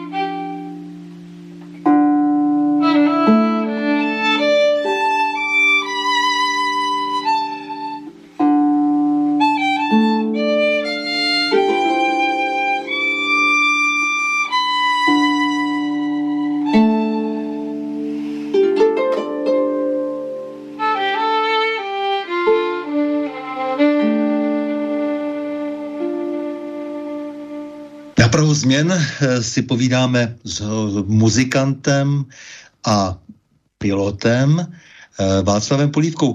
Eh, Václave, jak vy vidíte vlastně tu dnešní společnost, celou tu naší civilizaci? Vy jste vlastně její mm, reprezentant velký, protože hudba a hudba v takové podobě, jak její hrajete, představuje podstatě dá se říct to všechno, nebo eh, schrnuje se v ní vlastně veškerý, veškerý kulturní základ eh, té naší Euroameriky. Eh, jak vy vidíte vlastně to pokračování civilizační? Nezdá se vám, že, jsme, že už meleme tak trošku z posledního? Jo, to se mi zdá, jako my jsme kulturně mrtví, to je to tak, jako, eh, to je, proto říkám, začíná, začíná Balkán na Moravě a vlastně dá se říct, že tam taky začínají lidové písničky, které jsou ještě živí. Jo, pokud eh, se podíváte, jak funguje folklor od eh, hranic jako Francie s Atlantikem až sem, tak dá se říct, že něco mají v Irsku, tam to jako funguje. No a pak jsou takový různý jako retro, že se někdo pokouší něco oživovat ze středověku nebo tak, ale abyste přišel do hospody, kde se něco zpívá a kde vznikají, jako třeba na Slovensku to podat ještě je, že když tam člověk přijde někam na to střední Slovensko, tak, tak když přijde po deseti letech, tak už jsou tam zpěvají úplně jiný písničky, když se zpívají před deseti lety, nebo co mají litevci, biorusové, rusové. Prostě dá se říct, že my tady máme takový ten střih, Eh, kdy, kdy prostě my patříme do té západní kultury až po to Brno a řekl bych, že takové od začíná nějaký život. Jo, to je jako jedna věc. Prostě my jsme chcípli dávno Takže dá se, dá se říct, že spíš jako na těch okrajích vlastně té, to, té, té civilizační, toho civilizačního jádra, že spíše eh, se ještě kulturně žije více. Já nevím, co pokládáte za civilizační jádro. Já prostě vidím, že jako vlastně lidi přestali zpívat a přestali zpívat se příchodem technologie, ale ku podivu to zdaleka tolik nezasahlo, eh, nezasahlo teda od toho, od té hlavy na východ jako to pozorují. No právě eh, dnes si všichni představují, že vlastně tím vrcholem eh, té euroamerické civilizace je jakási západní civilizace, eh, což bych samozřejmě mohl všelijak spochybňovat, ale nicméně ta všeobecná představa tady je, že tady Německo, Francie, samotné Spojené státy, Británie, to, že jsou teda ty ti vlastně tahouni vlastně civilizační, přestože samozřejmě jak si je to všelijak spochybnitelné a je to plné nějakého reklamního vlastně snažení se, eh, tak dejme tomu, že ale se zdá, že přece jenom na těch okrajích, kde až zase tak jak si se, se všichni netváří, že eh, rozumí jak si celému vesmíru, takže je ten život daleko, daleko intenzivnější. No, asi jde o to, jestli teda považujete za civilizaci kulturu a to není vždycky to tež, protože jako, pokud civilizace v tom smyslu, v tom teda západním smyslu hlavně znamená si navzájem neublížit. Jo? Jako nestane se vám tak snadno ve Francii nebo v Německu, že by, když vás někdo předjíždí, tak vám to jako potvrdil vystrčeným kalašníkovým z okna, jako se to stane v Rusku. Jo? To je zase určitě jako rozdíl a možná, že jsou temperamentní na vkus těch západních lidí zase až moc a jako asi jde o to, teda udělat nějakou, nějakou míru teda toho, protože jako já můžu akorát konstatovat, že s příchodem opravdu technologie, jako, která začala nahrávat, která začala, začali lidi poslouchat místo, aby zpívali, tak prostě zpěv zmizel. Stejně jako, zpěv, stejně jako sport se stal vlastně součástí sportovního výcviku jednotlivců, ale není už úplně normální, že lidi hrajou fotbal, lidi spíš matlají telefony nebo tak. Eh, já sám jsem teda člověk, který se to neúčastní, protože já se na sporty nedívám, já buď to hraju nebo, nebo to nedělám, nemám, nemám tendenci něco pozorovat, ale eh, je pravda, že co se týká civilizace, tak se za to většinou počítá spíš to právě, že jako jsou lidi v bezpečí, že vám jako nikdo nic neudělá. No a e, nevím, jestli to spolu souvisí nebo nesouvisí. To zase tady jako by jsme, by jsme zaměňovali možná věci, které ani nemají žádnou, žádnou souvislost. Dlouho, e, dlouho jsme se snažili od francouzské revoluce cizelovat právě ten, ty, ty, ty, ty mechanismy, které by umožňovaly to, aby jsme si neublížili. Mezi tím samozřejmě tady vznikly dva totalitní režimy a Eh, spousta eh, z jiných svinstev, ale eh, nicméně je pravda, že od té, dejme tomu pomyslné 200 leté, prostě jako nějaké čáry, 200 let staré čáry, se tady byla nějaká sna rozvíjet způsob komunikace, který bude pro nás méně nebezpečný. Tak úplně se to nepodařilo a teď se zdá dokonce, že se ta základní podmínka pro to, aby něco fungovalo, tedy důvěra, zcela vytrácí, přestože se zdá, že, jak říkáte, na první pohled je vše bezpečné. To znamená, dokonce zacházíme tak daleko, že vykácíme ale stromu, abychom si neublížili při, výjez, při havárii na úzké okresní silnici. No to není, není jenom to, tady vůbec jako vlastně se ta mentalita posunula. E, já si pamatuju, když jsem tady mluvil o tom Petrovi Šeflovi, který nás učil zpívat e, Bacha, a tak on měl Trabanta, se kterým jezdil 90 po malé straně, to bylo, když se těma uličkám protáhne hadne, jo, vlastně to naprosto šíleného, ale nikomu nic neudělal, ale já to taky neříkám, že to jako schvaluju, ale je pravda, že dneska je to nepředstavitelný, to by byl prostě šílený zločinec, tenkrát se nad tím jako lidi usmáli, jo, on rád jezdí rychle, jo, to prostě nebylo to, eh, neměli jsme pásy v autech, jo, to asi pamatuju ještě, ještě doby, kdy se, kdy se prostě tyhle věci nějak moc jako neřešily, a já nevím, jestli, jestli je to zlepšení, že zase jako se lidi méně zabíjejí eh, na té silnici, když, když se teda nejezdí takhle rychle po vesnicích. Já jsem sám viděl před jeho kluka třeba v Černovicích a, a docela jako mě to dalo dost, jako abych se vždycky rozlít, než vlezu do silnice, ale jako, eh, co se týká, co se týká teda kultury, tak pokud jsme zaměňovali kulturu a civilizaci, tak si myslím, že směšujeme nějaký jako pojmy, jo, protože, eh, no, nebo to taky ale může být jenom tím, že jsme se vlastně kulturně vyčerpali a vůbec to nemusí znamenat, že to je správný. Já zase myslím, že tady bych trošku fučoval do nějakého oboru, eh, který mi není úplně vlastní. No ne, tak my, my, my musíme především ale jako být schopni cítit vždycky ten problém, kterému se musíme, který musíme řešit. Musíme se bránit vlastně tomu, eh, co nás ohrožuje a ona nás ohrožuje na, naopak to, ta, taková ta letargie, v které se teď nacházíme, nás přece daleko víc ohrožuje to, co jste před chvíli říkal, eh, to, že ti lidé eh, jezdí poslušně v těch rouškách, neuvědomují si, jakou už plní roli, jak otrocky nahrávají té, té, té diktatuře, která vlastně nás postupně zbavuje o něch ústavních práv, které se kdysi před těmi dvěma, dvěmi stovkami let zavedly a postupně se sformovaly do nějaké listiny práv a svobod, kterou všichni přijali eh, do ústavy a náhle je to všem jedno. Eh, to znamená, náhle si všichni neuvědomují, že manipulace velmi postoupila a to, proti čemu se původně bránili a to, co vlastně se už několikrát zneužilo a zase se zpátky potom rozbilo, to znamená třeba v podobě těch dvou eh, totalitních režimů, tak to se vrací v ještě často horší podobě tak lhostejnost může takhle vadit, to jako s tím souhlasím, akorát, že jako jo, souhlasím s tím, že si třeba lidi měnějí jako pojem slušnej za poslušnej, ale eh, jako o tom, o tom zpívají všichni pořád, je to, je to vlastně jako všude, ví se to a já si nejsem jistý, že s tím my tady něco naděláme, to se musel prostě pojmenovat ten problém a já netvrdím, že ho jako umím pojmenovat. Jako já můžu pozorovat nějaký úpadek uh, hudebnosti, můžu pozorovat, můžu, můžu pozorovat, že lidi vlastně slechnou větší sílu, ale to asi bylo taky vždycky. Ostatně, když se zavádělo, je to hezky řečeno v Zazavém Ormovi, když říkal, když jste tu křesťané velkokníže tak nařídil a je nejlepší být po vůli. Prostě jako většinou prostě vždycky vyhrává ten silnější, no a teď, teď je otázka, jestli teda my chceme být silnější, nebo jestli, co je, co je jako výhodnější, asi evolučně, nevím, to se prostě, já, já to nedokážu tohle říct, nedokážu na to vám na tohle to zodpovědět. Prostě nevím, není tohle můj obor, nedělám, nedělám ani revoluce, ani sociologický průzkumy, prostě nemám, nemám vlastně ponětí o tomhle. Já bych, když mi někdo přijde, mohl bych říct, že ta změna je určitá, dejme tomu třeba přístupu k učení, to je něco, čemu rozumím. To je třeba, že zavedly se strašně takový jako příjemný způsoby, hlavně aby to člověka bavilo. No a já bych k tomu řekl, že prostě souhlasím s Kovem, který napsal, který soustředěn na zábavu, vaše síla je zanedbatelná.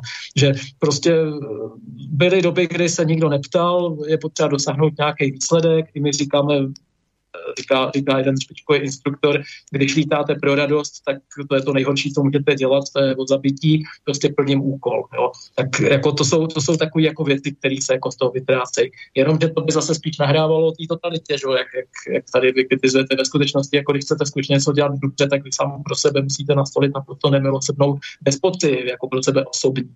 Takže já bych spíš to asi jako dal tak, že by člověk měl, jak je to v té staré písničce, rytířem se být pravíš, sám sebe přemáhej, a uh, tak, že prostě by despoty měl člověk uplatňovat tam na sobě, no a demokracii k těm ostatním, no tak a většinou jako to bývá u těch padouchů v obráceně, ale to se asi nemění a myslím si, že to není jako nová záležitost. Můžu říct, prostě mám dejme tomu hypotézu na to, že se trošku tady projevuje třeba uh, takový ten orientální způsob myšlení, kdy třeba děti, co se týká toho očkování, nejsou uh, tak důležitý jako ty starý lidi, což je takový překvapivý posun, protože to jako si myslím ale, že je právě vliv teda toho islámu, že to je, uh, nebo prostě nevím, jestli to má něco společného s islámem, ale prostě s kulturama, který ten islám, islám vyznávají, že vzhledem k tomu, že Evropská unie je vlastně povahou islámská, no tak pak rozumím tomu, proč jim vypadají starý lidi důležitější než děti, protože to, to, jako to tomu odpovídá. No.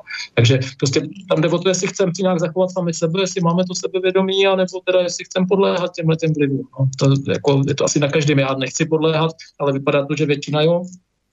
Eh, jak vnímáte národ? No tak já se cítím jako Čech a jako mluvím česky, udržu si jazyk a hlídám si, abych mluvil dobře česky, aspoň teda snad teď jako mi to snad do určitý míry dařilo, ale jako... Mluvíte jako kniha, to je v pořádku. E, ale e, jak v tom kontextu třeba vnímáte naše postavení v Evropě, ve střední Evropě zejména? Je pro vás střední Evropa fenomén? No tak já nevím, co myslíte tím jsem fenomén, to mi trošku objasněte. Jestli střední Evropa pro vás je speciální třeba kulturně, historicky, politicky, jestli ji tak to můžete vnímat, protože samozřejmě se v poslední době při tom zjednodušování, samozřejmě na základě nějakých geopolitických tlaků dostáváme do situace, kdy jsme tlačeni buď na východ nebo na západ.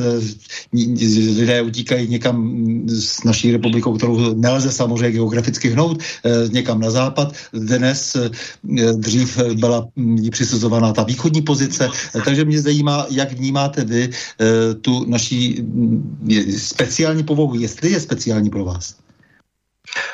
Speciální poloha pro mě to ani není. Já se jako muzikant můžu fungovat po celém světě, taky toho je doklad, i ta Hanka Rachovinová teď v Japonsku.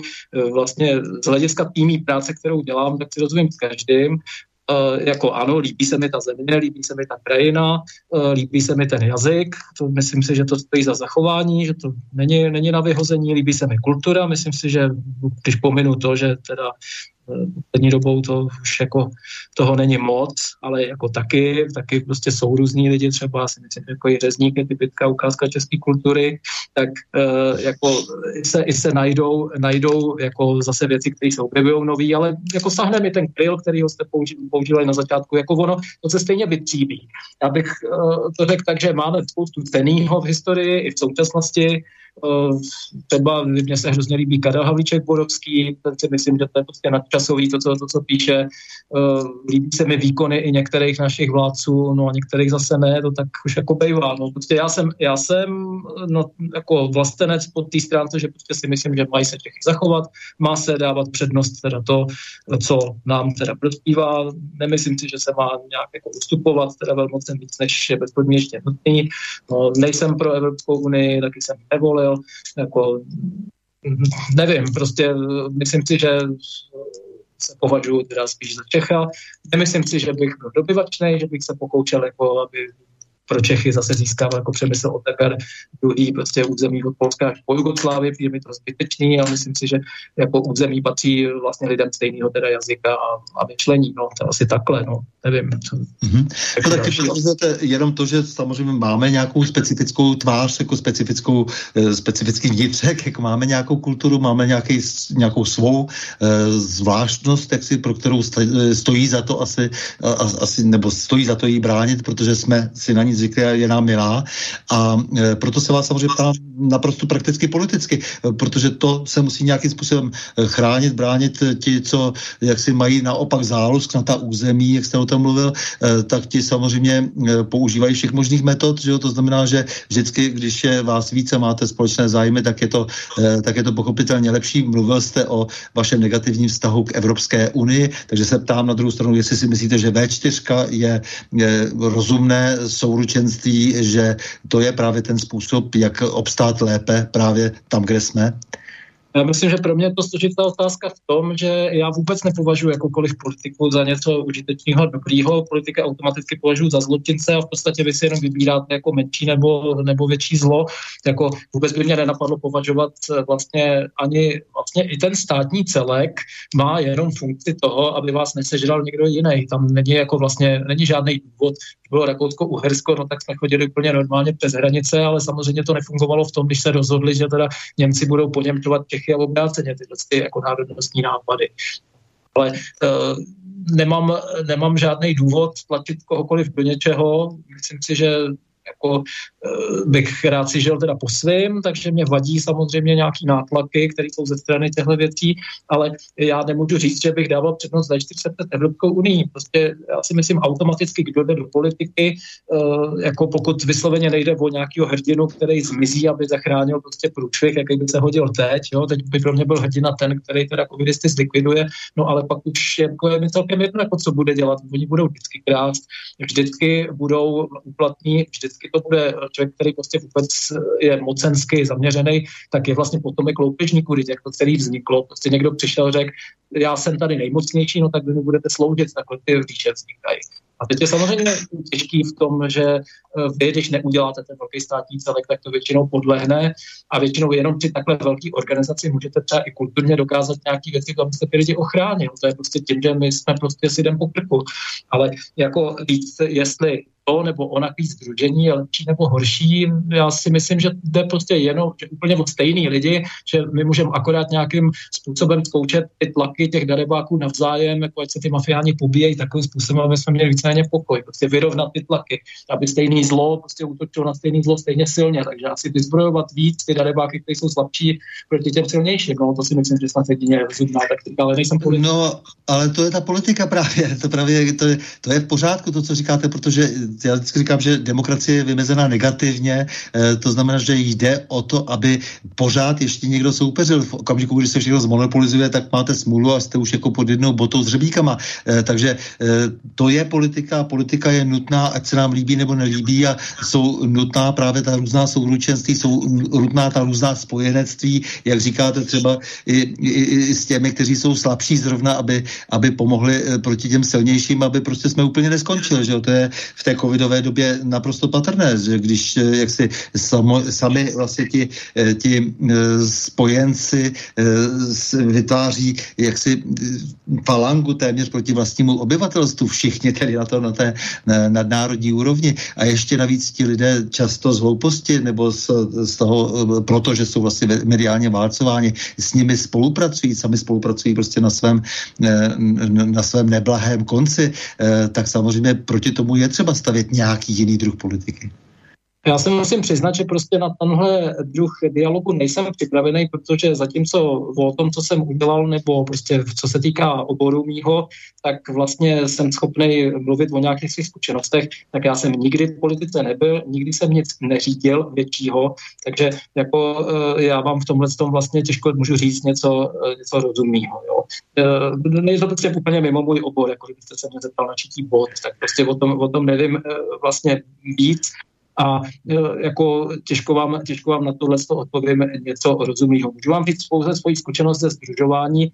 Jako zkušenosti jsou takové, že když vytvoříte cokoliv, co funguje, uděláte větší nějaký celek, třeba dejme tomu v té hudbě, v tom lítání, tak sice na jednu stranu umožníte nějakou vyjednavací sílu, umožníte přísun nějakých dotací, ale současně okamžitě se na ty uh, důležité pozice, kde se o tom rozhoduje, nahrnou největší psychopati z oboru, ať už leteckého nebo hudebního a uh, nadělají většinou milionové škody, to vždycky. A teď je samozřejmě otázka, ono by to nemohlo fungovat vůbec bez toho združení, protože prostě je potřeba kupovat letadla nebo je prostě potřeba pořádat nějaký kurzy, brát od sponzorů třeba uh, peníze na pořádání věcí. No ale vždycky tam budete mít ten, ten důsledek, že kde se nahrne nějaká moc a nějaký peníze, tak se tam vždycky nahrnou psychopaty. A nemám, nemyslím si, že tohle má nějaký řešení. To se opakuje neustále v církvi, v hudbě, v lítání a myslím si, že asi v každém oboru a v té politice to asi bude dokonce extrémní. No. Takže eh, jako v tuhle chvíli chcete, abych vám moc řekl, jak řídit peklo. No, to nevím. Jak, jak vlastně říkal Hegel, eh, prostě každá ta organizace, která když už vznikne, tak má v sobě vepsán svůj zmar. Ano, no, je to Takže... tak, to je prostě neustálý zánik a proto, proto já se soustředuju vlastně na to, co můžu dělat sám se sebou a ne na to, co můžu dělat s ostatníma. Politika je jako práce s ostatníma lidma a já s ostatníma lidma pracuji jenom do té míry, aby mi třeba umožnili plnit projekty, které dělám, jako třeba ty koncerty na Český komorní filharmonie nebo tak. No a ve chvíli, kdy je tady nějaký takový viditelný útlak, no tak já jsem i tohle použil jako klacek, že prostě jsem třeba odmít uh, ty opatření vymáhat po lidech. No. A prostě riskoval jsem nějakou třeba pokutu, ale taky to jste byli moje peníze. Dali mi to prostě sponzoři, no tak v nejhorším bych to z toho zaplatil. No a jako je zase podle mě věc každýho, jak je mocný, jak se dokáže opřít nějakému nátlaku, nějaký zprostutě, nějaký šikaně. A e, já nemám zkušenost s tím, takovýhle věci dělat organizovaně. Jak udělat združení pro potírání zla, tak to prostě neumím, nevím, nedělal jsem nikdy. Dobrý. Milí Václavé, já vám moc děkuji za rozhovor, ale hlavně taky vám děkuji za, vlastně za to vaše nasazení v tom boji proti organizovanému covidovému zločinu, který sahá stále uh, odporněji po našich dětech a dětech našich dětí a, a děkuji vám za to, že tak činíte bez toho na to, že většina umělců či takzvaných odborníků ze zbabilosti nebo chtivosti nejenom mlčí, ale často kolaboruje právě s jedním zločinem páchaným na všech bližních. S vámi, milí posluchači, posluchači se také loučím a to s přáním mějme se rádi, buďme svobodní, zpříjmení, nevěšme hlavu, stojíme při svých bližních i národech. Nepřátel se nelekejme a na množství nehleďme. V pořadu na Prahu změnce uslyšíme opět za týden v pondělí 13. prosince v obvyklých 20 hodin a 30 minut. Naslyšenou a do počutě.